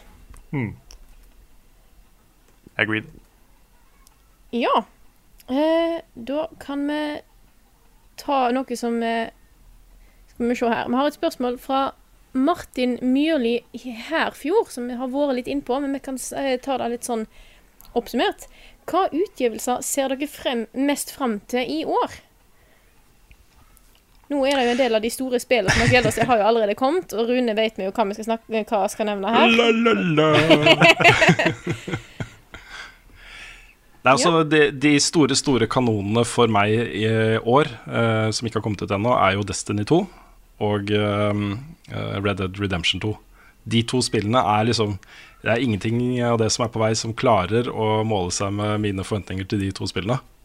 Eh, men det kommer jo massevis av andre kule ting. Jeg for eksempel, altså, gleder jeg meg kjempemye til å spille, spille Crash Bandicut uh, remastered-spillene. eh, som jo jeg liker rundt hjørnet. Jeg gleder meg veldig til å spille eh, Prey og The Search. Vi har jo diskutert det litt, Carl, hvem av oss som skulle ta The Search. For jeg som har spilt så mye Bloodborne og føler meg liksom klar da, til en Ja, ja. lignende type utfordring igjen. ikke sant? Ja, sant. Men du har jo, herregud, du har jo hele Soul-serien, eh, Rune. Du kan jo bare hoppe inn. Ja da, jeg har, jeg har mye å catche opp med der. Har du lagd et problem for deg sjøl nå, Karl, om at du har eh, gjort Rune interessert i spill som Ja, du ja. helst vil ta sjøl? kommer til, å- kommer til å ta fram alt jeg, alt jeg er og har. Neste gang så blir det JRPG, så skal Rune alle de òg. Nei da. Jeg, tror det- jeg tror det går bra. Vi pleier å komme til enighet om eh, hvem som tar hvilke spill. Så det er, eh, det er ikke verdens største problem. Nei. Men du da, Carl? Hva er dine Ja, nei, jeg sitter og tenker på det. Jeg har jo på en måte fått veldig mange av de spillene jeg gleder meg til allerede. Eh, Både de som jeg har digga, og de som har skuffa meg litt. Um, jeg gleda meg jo aller mest til Persona 5 og Mass Effect. Har jo spilt begge de, anmeldt de. Zelda har kommet ut. Um, Ukulele var jo det som var mest skuffende so far. Men uh, nei, akkurat nå så eh, føler jeg Super Mario Odyssey er kanskje den største. Det er den jeg gleder meg aller mest til i år. Og The Surge. Uh, men uh, ja. Det er jo sikkert mange flere. Jeg bare husker ikke på det i farta. Jeg må også nevne et spill som kommer ut 26. mai, som heter Rhyme.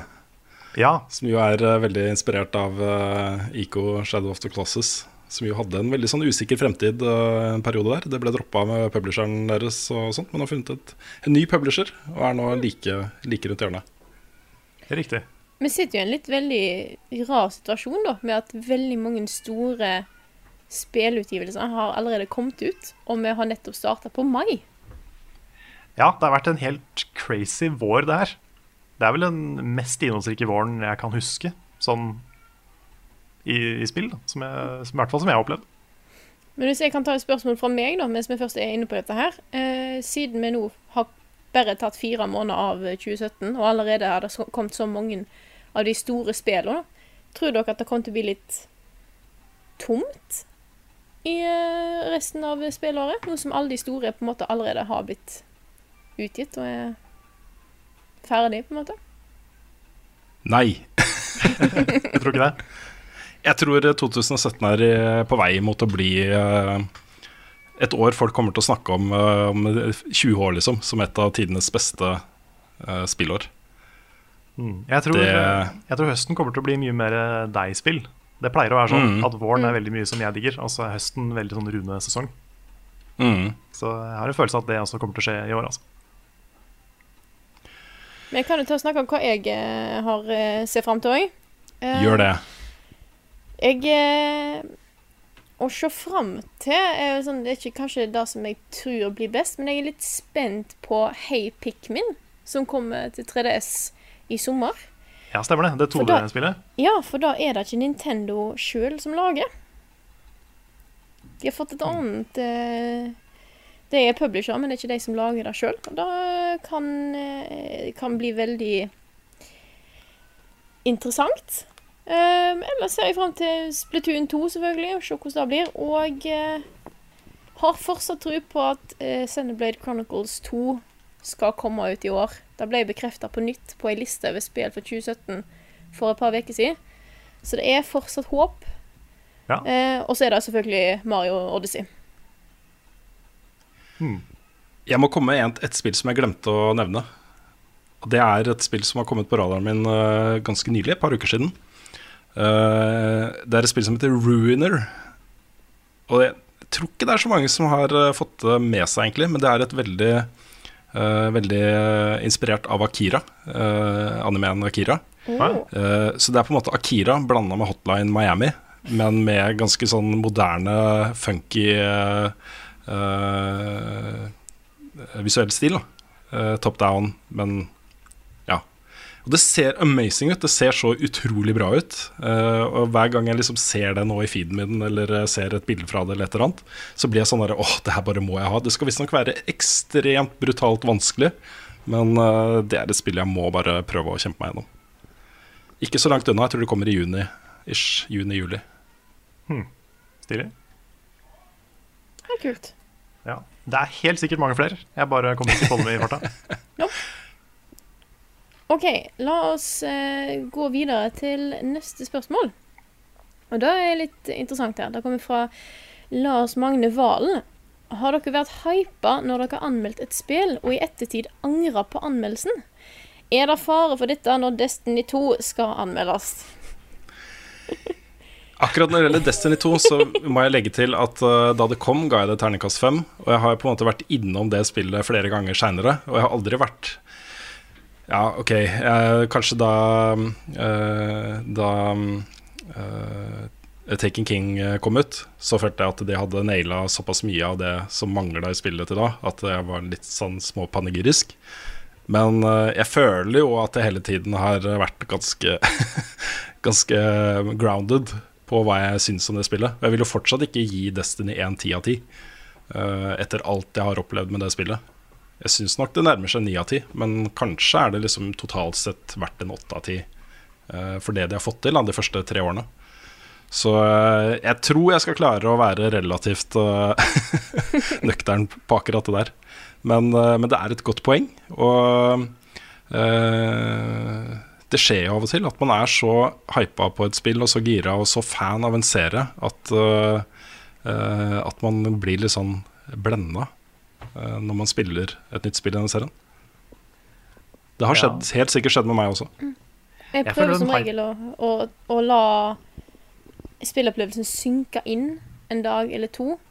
Og bare få litt avstand fra det og tenke mer over hva jeg har opplevd, før jeg skriver manus. Eh, hvis jeg har tid og muligheten til det. Og bare for å bearbeide alt jeg har, liksom, alle opplevelser sånt jeg har. Sånn at jeg For å prøve å unngå det der at eh, jeg sitter der og er bare fullstendig amazed og glemmer å være rasjonell. Jeg føler den der hypen legger seg veldig fort. da Sånn, Man kan jo gå og glede seg til noe, men så fort man sitter og begynner å spille det, så da tar liksom den andre delen over for meg. Det er eh, Ja, jeg, jeg kan, sikkert det har skjedd for min del òg, men jeg, jeg vet ikke. Jeg tenker sånn som spillet jeg har gleda meg veldig til, så har jeg begynt å spille de, og da har jeg på en måte lagt fra meg hype-delen, for nå, nå har jeg det. Så nå kan jeg på en måte spille det i mitt eget tempo og se på hva som er der. da Ta det for det det er. Ja, jeg prøver i hvert fall å gjøre det. Jeg håper at jeg gjør det greit nok. At ikke jeg liksom lar noe annet farge det.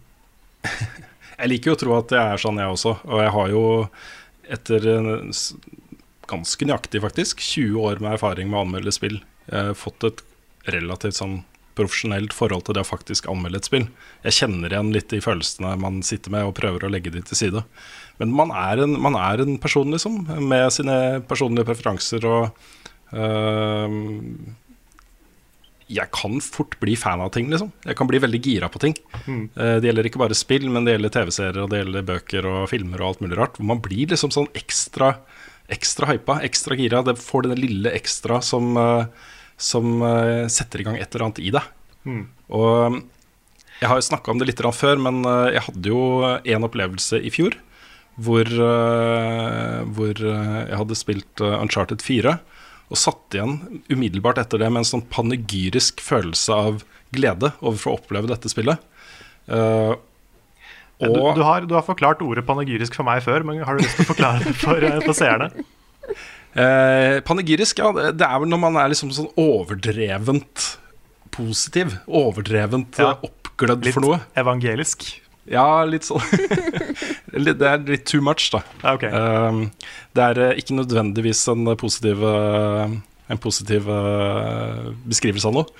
Eh, panegyrisk, da har man lagt all kritikk til side, og så er man bare superhappy. okay. OK. Så det er, det er liksom fanboy-glede. Ja, på Ja. en måte litt det. Um, det kan jo også være liksom når man overværer eh, fødselen av sin førstefødte, f.eks. Kan Ja, si men da, da er det lov å ikke være kritiker, føler jeg.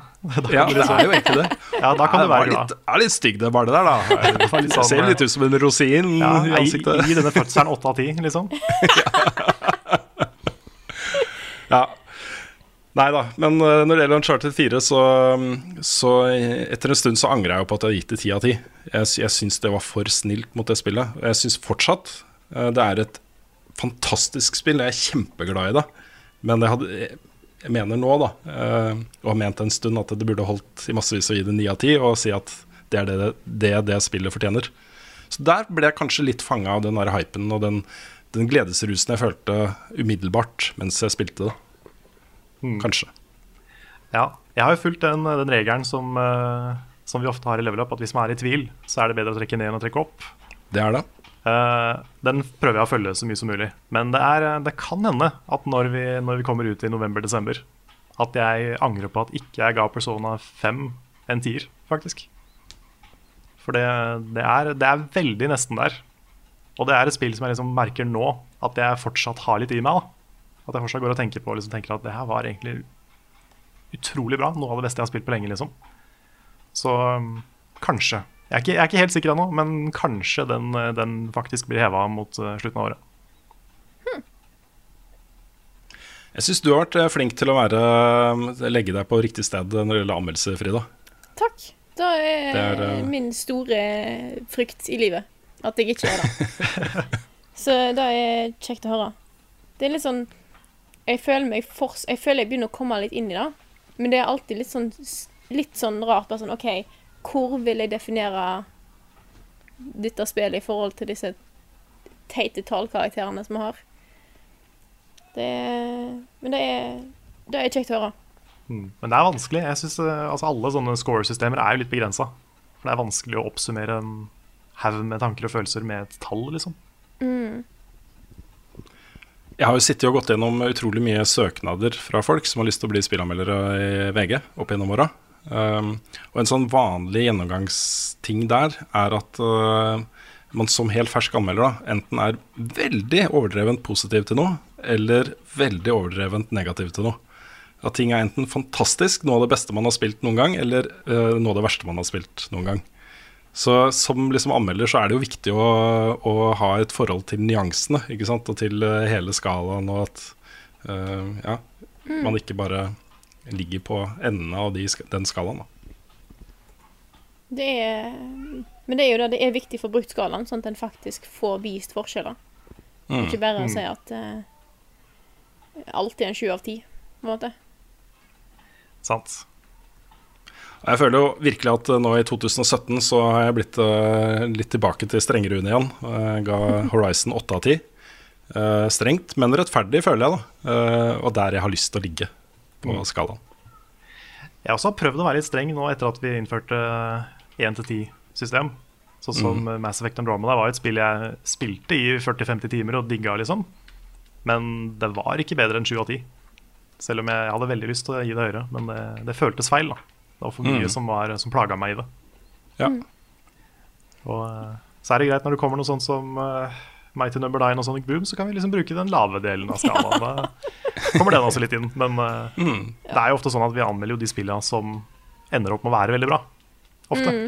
Vi tar oss jo mest tid til spill vi tror er bra, og som vi tror eh, folk vil sette pris på å høre eller se et innslag om. da Vi går ikke rundt og leter etter de dårligste spillene eh, som finnes, bare for å kunne gi én eller to. Nei, Vi gir jo ikke det. da hadde vi på en måte missa de gode spilla. Og det, det er det ikke verdt, føler jeg. da Nei. Handler om begrensa tid, som mye annet. Da gjør det. Og angående begrenset tid, skal vi ta neste spørsmål, eller? Det kan vi gjøre.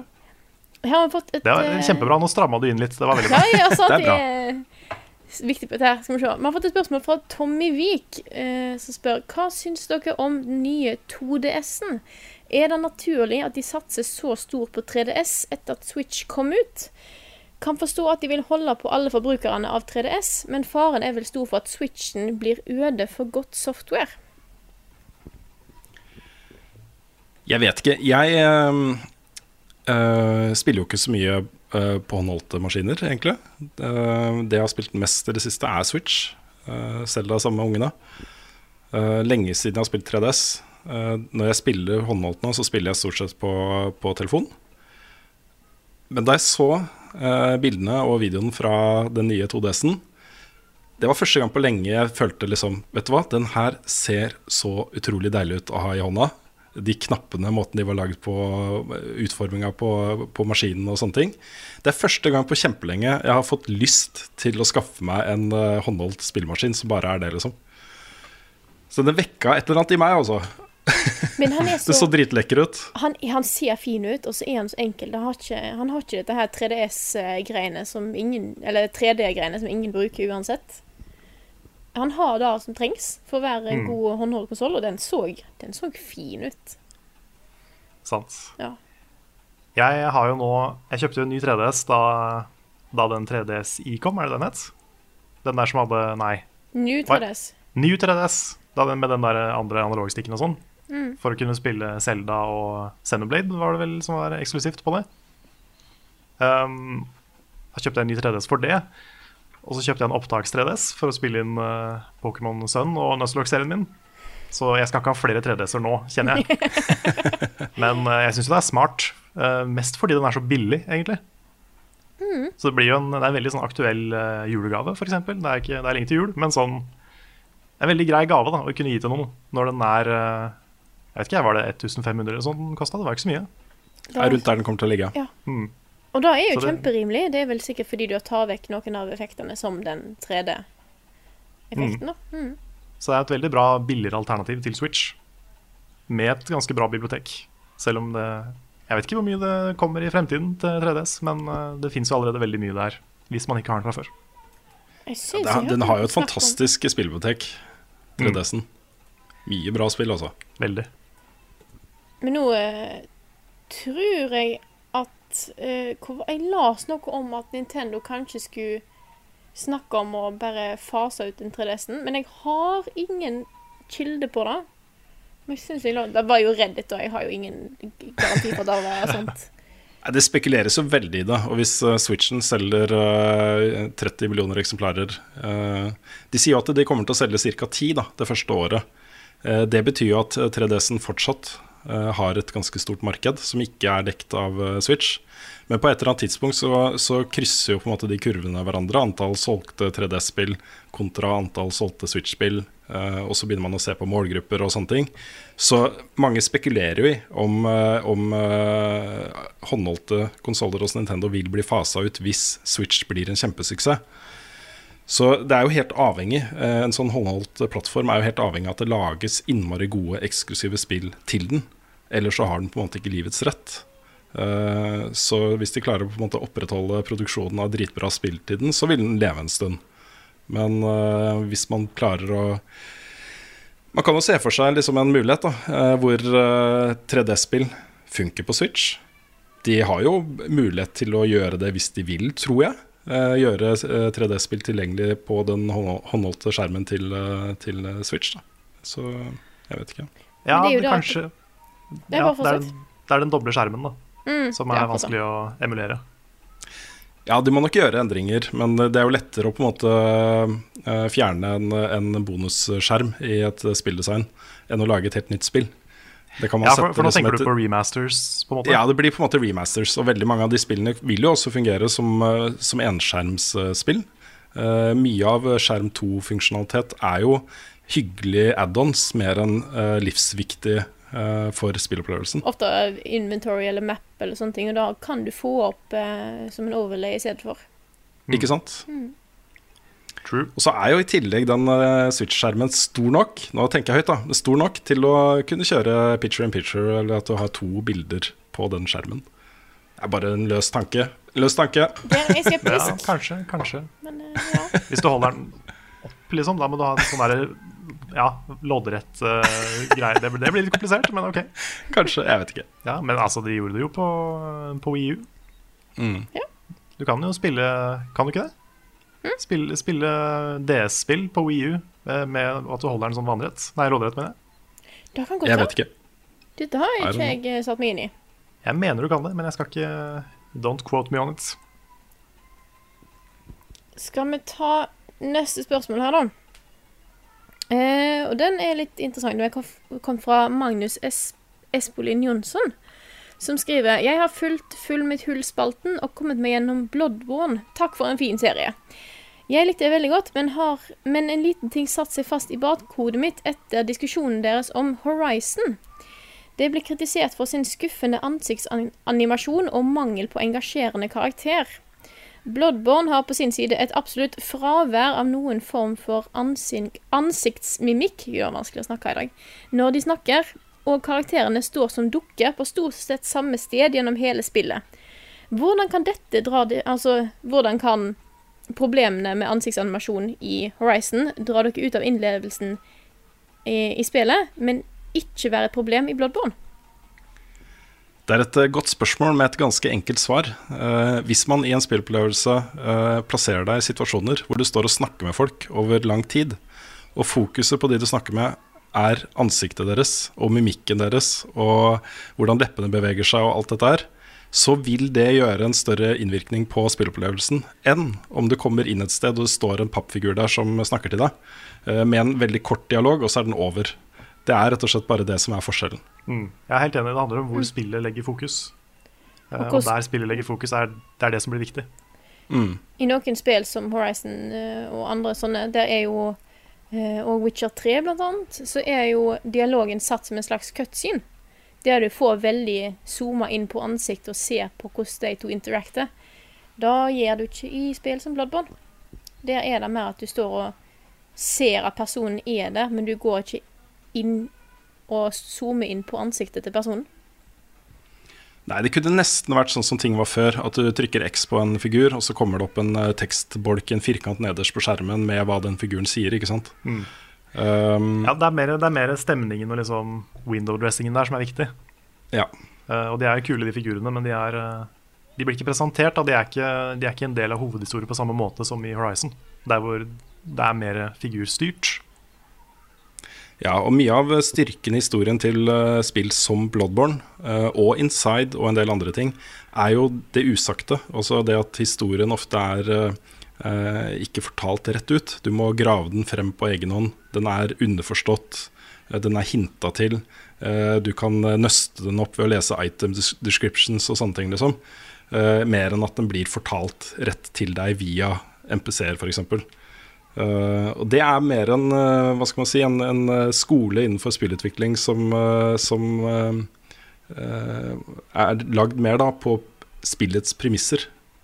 Mens en veldig sånn dialogtung, uh, regissert historie er mer sånn hvordan historie tradisjonelt sett fortelles, kanskje. Og en ting som plaga meg i uh, Horizon, men som jeg ikke snakka så mye om i anmeldelsen, er jo at alle, absolutt alle disse dialogene var regissert helt nøyaktig likt. Du kommer inn, og så har du det samme utsnittet av ansiktet på den du snakker med. Og så kutter du ut et litt større bilde, og så går det tilbake til det originale bildet. Og så går du ut til det større bildet, og så er dialogen over. Sånn var det hver eneste gang. Det var akkurat samme utsnitt, akkurat samme vinkel på ansiktet til de du snakka med. Hvis de scenene hadde vært mer dynamiske, hvis kameraet hadde vært på forskjellige steder, hvis øh, øh, det hadde vært regissert mer individuelt, så ville ikke ansiktsanimasjonene plaga meg like mye. Nei, jeg vet akkurat hva du mener. Det er akkurat samme greiene i Mass Effect. Der syns jeg Final Fantasy alltid har gjort det veldig bra. Eh, for der har de liksom Alle cutscenes, til og med de som ikke er så viktige, har regi. Og de har figurer som beveger seg, og liksom emoter med hele kroppen mens de prater. Og det har mye å si hvis du skal ha mange, mange cutscenes. Jeg skjønner jo hvorfor de gjør det, fordi det er jo ekstremt mye jobb i et spill som Horizon å lage egen regi på alle dialogene. Det er jo så utrolig mange av dem, og mange av de har jo flere ledd. Du skal snakke med en fyr, og så skal du gjøre noe annet, og så skal du tilbake og snakke med samme fyren fordi du har gjort den andre tingen. Og så Det er veldig veldig mye. Det å lage en mal på det som dette her, gjør at de kan bare mate dialogen inn i scenen, og så spiller den seg ut. ikke sant? De sparer jo masse masse tid på det. Det tar jo sikkert månedsvis å bare gjøre den ene lille tingen. Ja, i Mass Effect så er jo det umulig. For der er det 40 måter at én samtale kan utspille seg på. så, så det å lage liksom custom animasjoner og finpusse det i månedsvis for hver eneste cutscene, det, det går jo ikke. Det skjønner jeg. Men Men her jeg, ligger det en opportunity for, eh, for sånne uh, middleware-produsenter, tror jeg, da. Til å lage liksom et system, en algoritme for kameraføring og Men det er det, det, er det de har dynamikk. brukt. Det er det, okay. det er det de bruker. Jeg, jeg så en video som jeg tenkte å anbefale. Jeg, snakket, jeg tror jeg nevnte det i en stream for et par uker siden. Jeg lurer på om det var podkasten forrige uke. Var det det? På Vel- Extra Credits? Den du snakker om eh, hvordan eh, den animasjonen var lagd. Ja, mulig det. Kanskje det var det. Har ikke peiling. Kan det være stream òg. Mm. Ja. Men det er i hvert fall, eh, i hvert fall på Extra Credits-kanalen på YouTube så har de en lang video om hvordan animasjon i spill gjøres. da. Og der, der går de inn på liksom hvorfor det ikke funker i Mass Effect, men hvorfor det funker i The Witcher, som i utgangspunktet bruker samme teknologi da. og samme system. For begge de spillene har så mye dialog at ikke det går an å gå inn og finjustere alt. Så eh, det var, det var veldig lærerikt å liksom se prosessen da, i det. Så får man litt mer oversikt over liksom hvorfor Uncharted er så bra, hvorfor spill med veldig mye dialog ikke er så bra, og hvorfor også spill som Witcher er bedre enn Mass Effect på det der. da. Så det, er, det var en veldig interessant video, så den anbefaler jeg at folk sjekker ut. Ja, jeg tenker at veldig mye av, av konvensjonene i spill, altså ting vi forventer å se i spill, veldig mye av det er, eh, er det veldig mange av oss som aksepterer fordi det alltid har vært sånn. Eh, Men det er liksom For min del så er det en del av de konvensjonene som jeg mener det er mulig å gjøre ganske mye med, og forbedre. Og en av de tingene det er jo å få til mer levende samtaler med NPC-er i spill. Eh, Det kan gjøre så utrolig mye med en spillopplevelse. Absolutt. Men når jeg tenker på det, så jeg vet ikke liksom Med tanke på et spill som Bloodborne, da. Jeg vet ikke om jeg vil at det skal ha flere cutscenes. Jeg tenker kanskje at det ikke burde ha det. At den der litt ensomme opplevelsen er viktig, da. Ja, jeg syns det spillet er perfekt. Også den måten den forteller den historien på, måten den introduserer eh, disse birollene på. Jeg, det er ingenting der jeg savner. Det er ingenting jeg mener kunne gjort den opplevelsen bedre. Nei, nei, jeg tenker sånn når jeg møter Eileen the Crow da, i Bloodborne, så vet jeg ikke om jeg vil ha det i en cutscene. Jeg syns kanskje det er fint som det er. Jeg føler at det passer spillet òg. Hvem vet, Kanskje det hadde vært uh, veldig kult å få se liksom en liten detalj fra ansiktet hennes close up. Ja. eller sånn. For du har jo, du har jo cutscene-introer på f.eks. Father Gascoigne. Og det er jo kult. Men jeg vet ikke jeg vet ikke hva liksom mange av de ville gjort med den opplevelsen. da Mm. Hadde det føltes som avbrudd, på en måte? Eller, eh, eller er det bra at du har den kontrollen over figuren din hele tida? Mm. Det, det må jeg tenke litt på sjøl, men jeg vet ikke. Vet ikke hva som er best. Nå ser jeg vi nærmer oss, eh, nærmer oss snart Eller om det er litt sånn to timer lang podkast, så jeg lurer på om vi skal ta et eh, Et siste spørsmål. Eh, og da lurer jeg på om det er noen spørsmål dere har lyst til å ta. Så dere har sett at eh, Nei, nå har jeg bare ikke sett på spørsmålet engang, fordi du skulle gjøre det. Ja. Jeg, så, jeg, leste, jeg leste gjennom i går. Jeg fant et jeg kan se om jeg finner igjen. Men Ja. uh, ellers så kan dere ta et imens, altså. Uh, ja, jeg har, eh, jeg har et her, uh, som er fra Sin4. Så jeg vet ikke om jeg skal ta vignett på Sin4. Oi, da til må jeg finne Oi, det. oi, Da må jeg finne den. Skal vi se. Du, du, du. Det så her, sånn her et hastelås. Skal vi se her. Ja, det kommer til å bli en liten uh, sånn art- artpause her nå. Sånn. Temi, sånn. Og så der, vet du. Nå kommer Ja. den. Ukens Sin4. Eh, spill som Persona 5, Final Fantasy 15 og Xenoblade er spill som krever mange titalls timer for å få fullført i story mode. Og det er dessverre ikke mange som klarer å fullføre spillene pga. tida det tar. Men mange av disse opplevelsene etter et langt spill er som regel veldig positive. Hva vil dere foretrukket av å ha spilt eh, enten et vanvittig bra spill som tar 100 timer å fullføre, kun én gang, eller spille et relativt kort, men knallbra spill mange ganger? Åh, vanskelig spørsmål. Ja takk, begge deler, egentlig. Men uh, kanskje ikke lov å svare. Uh, jeg kjenner jo med meg selv at det som eh, blir hos meg lengst, er jo de spillene som jeg investerer så mye tid i at de blir en del av livet mitt i den perioden jeg spiller, da. Um, ofte så er for eksempel eh, For å ta et, et eksempel da, med No Man's Sky i fjor, Så eh, det har jo et fantastisk bra soundtrack, men etter en stund så begynte jeg å høre på min egen musikk mens jeg spilte det. Eh, Da var det liksom et par artister som jeg hørte på mye da mens jeg spilte det spillet. Og hele den perioden, med all den tiden jeg brukte med No Man's Sky, med den musikken Når jeg hører den musikken igjen nå, så er jeg tilbake i spillet.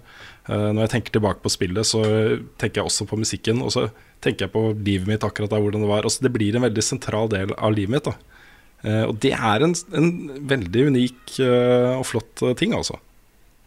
Jeg tenker også på det at når du har et spill som er 100 eller mer timer langt, så får du veldig, veldig ofte en komplett spillopplevelse.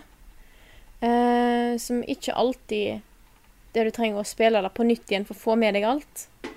Eh, så jeg tror jeg heller ville gått for den ene lange. Det ene lange spillet som jeg kan nyte i over lang tid, og faktisk sette meg ordentlig inn i og bare å bli overraska og nye ting hele tida, istedenfor å ha det samme spillet som er kort, Vi spiller det flere ganger. Ja, jeg ville gått for den lange opplevelsen. Ja, det er ikke så mange spill av de jeg spiller i løpet av et år, som jeg går tilbake til å spille flere ganger. Det er liksom uh, ofte Souls og et par andre. Nei, jeg tror jeg, jeg, tror jeg er enig. Jeg går for, går for det lange. Ofte også så er korte spill De er så perfekte i både lengde og historien som fortelles og sånne ting. Så ofte så føler jeg liksom ikke noe umiddelbart behov for å spille igjen. Det er mer det hvis jeg har spilt et lengre spill og tenker at her, her vet jeg det er noe jeg gikk glipp av. Det var en boss jeg ikke fikk med, eller en side mission som jeg ikke gjorde som jeg tror er kul, eller en, eh, en bild som jeg har lyst til å teste ut, eller et eller annet. da. Eh, Jeg kjenner oftere på den med lengre spill enn med korte spill. Ja. Jeg fant et spørsmål her ja, som jeg har lyst til å svare på. Ja. Uh, det er fra Henning R på Patron, som skriver Jeg forstår at tidligere toppledere i Funcom er tatt for å selge aksjer med ekstremt god fortjeneste på en ulovlig måte. Jeg synes fortsatt det er vanskelig å få grep om hva som var ulovlig. Var det fordi de solgte aksjene i viten om at verdien ville falle, fordi de selv ikke hadde tro på spillet, er spørsmålet hans. Uh, hvor Ardira har svart. Eh, han skriver Innsidehandel går i all hovedsak ut på at man bedriver salg eller kjøp av aksjer basert på informasjon som ikke er tilgjengelig for allmennheten. F.eks. at enkelte i selskapet vet at serverne ikke vil tåle en launch, og selger aksjene sine når det er mye verdt rett før launchen av spillet. Og Grunnen til at jeg har lyst til å svare på spørsmålet, er jo fordi jeg har tatt det opp i eh, Level Update i uka som gikk. Eh, også snakka om det tidligere i podkasten, hvis ikke jeg husker helt feil. Um, det har jo vært en veldig interessant sak å følge fra utsiden. Uh, Økokrim tok jo tiltale mot fire tidligere uh, sjefer i Funcom for uh, innsidehandel, som da er salg eller kjøp av aksjer basert på informasjon som ikke er offentlig tilgjengelig, og for aksjemanipulasjon. Og Den siste delen har jo vært den mest alvorlige tiltalen. Det at de bevisst har, eller aktivt har gjort noe, sagt noe offentlig f.eks eh, som har påvirka aksjekursen.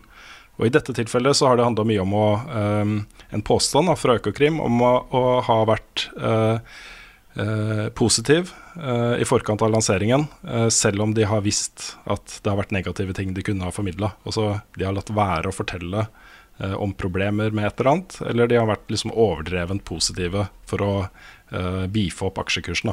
Beefe opp eh, hypen om spillet før lansering. Det er ikke så veldig mye jeg kan si om saken. De er dømt. Tre av disse personene er dømt. En av de er frifunnet. Uh, ingen av de er dømt for aksjemanipulasjon. Uh, alle tre er bare dømt for uh, å ha solgt aksjer basert på innsideinformasjon. Denne saken er fortsatt ikke over. Alle tre kommer garantert til å anke. I hvert fall tidligere administrerende direktør Trond Arne Aas har allerede sagt han kommer til å anke. Uh, og de to andre uh, kommer også mest sannsynlig til å anke. Og grunnen til at de anker, er rett og slett fordi uh, det er utrolig vanskelig å bevise at de har um, har visst at dette kom til å gå på trynet. Det er kjempevanskelig. Um, det lille jeg vet om de tingene som skjedde i Funcom i forkant av lansering her, er at de hadde en ekstremt positiv betatestperiode. Veldig mye positiv oppmerksomhet rundt spillet. Um, jeg lurer på om det var noe sånt som en 700 000 eller noe sånt som var innom betatesten. Det var i hvert fall veldig veldig mange mennesker. Og mange av de sa også at de kom til å fortsette å spille etter lansering. Så sånn i utgangspunktet så kunne man tro at det kanskje gikk mot en suksess. Men alle disse personene har visst hele historikken til Funcom. Eh, de har fått med seg, og kanskje vært en del av lanseringen av of Eh, de har fått med seg, eller vært en del av lanseringen av eh, Anarchy Online. Begge de to lanseringene gikk på trynet, og det som skjedde da, var jo at aksjekursen gikk rett i dass med en gang. Omtrent uka etter lansering så stupte aksjekursen. Det er nok mange i Funcom, inkludert disse tre, som har tenkt at ok, nå har vi jobba med dette her i en, mange år. Det har vært blod, svette og tårer. Eh, aksjekursen er kjempehøy. Hvis jeg selger nå, så, så tjener jeg godt på det. Um, og det trenger man ikke å være en rakettforsker for å tenke at, uh, at nå er aksjekursen høy. Uh, det er uh, ikke umulig at den kommer til å falle etter lansering. Det er liksom en Sånn har det vært ofte da, ved store spillanseringer, ikke bare i Funcom. Den andre siden av det Nå snakker jeg mye også, at dere må bare stoppe meg hvis dere har innspill her. Den andre siden av det er jo at jeg mener personlig at når en toppsjef i et spillselskap går ut og selger massevis av aksjer rundt lanseringen av et nytt spill, så sender det et utrolig dårlig signal til markedet. Uh, og kan ha vært en uh, viktig grunn til at aksjekursen falt. Så jeg mener jo at det å selge akkurat rundt lansering på den måten, og være liksom i, i sjefsposisjon i det selskapet, var en ganske kjip ting å gjøre overfor også de andre ansatte i det selskapet som hadde aksjer, og investorer og sånne ting. Men om det er ulovlig eller ikke, det vet jeg ikke. Jeg tror det er på en måte Hvis det blir en ny runde i rettssalen, så er det nok disse tingene den kommer til å dreie seg om, tror jeg. Takk for meg. det er en interessant ja, sak, da. Det er det jo. Veldig. Veldig utfyllende svar. Mm. Jeg har jo bare Jeg har egentlig ikke fulgt den, jeg har bare fått det med meg via deg, egentlig. Så. Ja, samme her. Jeg kjenner ikke alle detaljene her, og jeg har ikke lest hele dommen. Jeg har ikke vært i rettssalen mens dette har pågått, så, så dette er basert på liksom litt overflatisk informasjon fra min side. Uh, og samtaler jeg har hatt med folk uh, etter at tiltalen ble tatt, tatt ut og sånne ting. Så jeg har ikke noen inngående kunnskap om det egentlig. Jeg bare vet det lille jeg vet, og det er det eneste lille jeg kan snakke om, egentlig. Ja. ja. Yes. Da lurer jeg på om vi skal si at uh, det var siste spørsmål. Ja, det ble en eh, lang podkast, dette her. Da ble det. Vi som skulle stramme inn og greier. Nei, men det, men det er jo pga. Sånn nye spalter og greier. Så, ja. Men uh, vi setter veldig pris på tilbakemelding fra folk uh, om hva, hva, dere syns om at vi har lagt til ting eller endra på ting eller hva som helst. Så si ifra om det er bra yes. eller ja, hva som helst. Ja, Så også legge til at, uh, at uh, uh, Lars kommer nok tilbake i podkasten når han har mulighet til det. Det er, det er synd at, at, han ikke er her fast i podkasten lenger. Men vi er jo en, vi er den samme gamle gjengen. Det er jo ikke noe, gjort noen endringer der. Det er bare det at Lars har begynt å trene andre mennesker. Få folk i form. Uh, og det er en inntekt som man trenger, så, så da måtte vi bare gjøre litt endringer. Mm. Ja. Så han, han, dukker nok opp igjen i en podkast i nærmeste framtid, tenker jeg. Det håper jeg. Mm. Så, hvis, så Lars-fans der ute slipper å savne han for altfor lenge. Mm. Dere trenger ikke være redd for det. Lars uh, will be back. Oh yes. yes. Men da tror jeg eh, jeg vil si tusen takk for at dere hørte på. Og spesielt takk til alle som backer oss på Patrion. Uten dere så hadde vi ikke vært her og spilt inn podkast eh, nå. Det er til og med grunnen til at vi kan betale deg litt for å være her, eh, Frida. ja, det setter jo jeg veldig pris på. Eh, mm. Det er, det er, ikke sånn at folk, folk lever fett uh, i uh, Level Up Freelance, men dere, jo, dere, må i hvert fall få betalt. Da syns jo jeg er litt gøy i tillegg. Så ja. Men jeg, det beste er jo bare å få lov til å være her. Eh, og, så da vil jeg bare si eh, takk for oss, og ha det bra.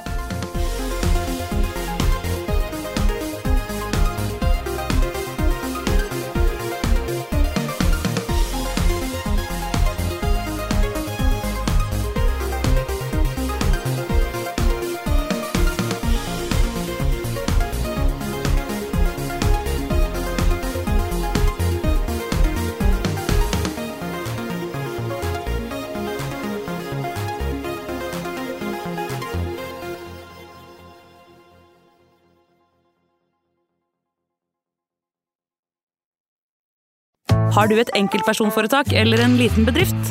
Da er du sikkert lei av å høre meg snakke om hvor enkelt det er med kvitteringer og bilag i fiken, så vi eh, gir oss her, vi. Fordi vi liker enkelt. Fiken superenkelt regnskap.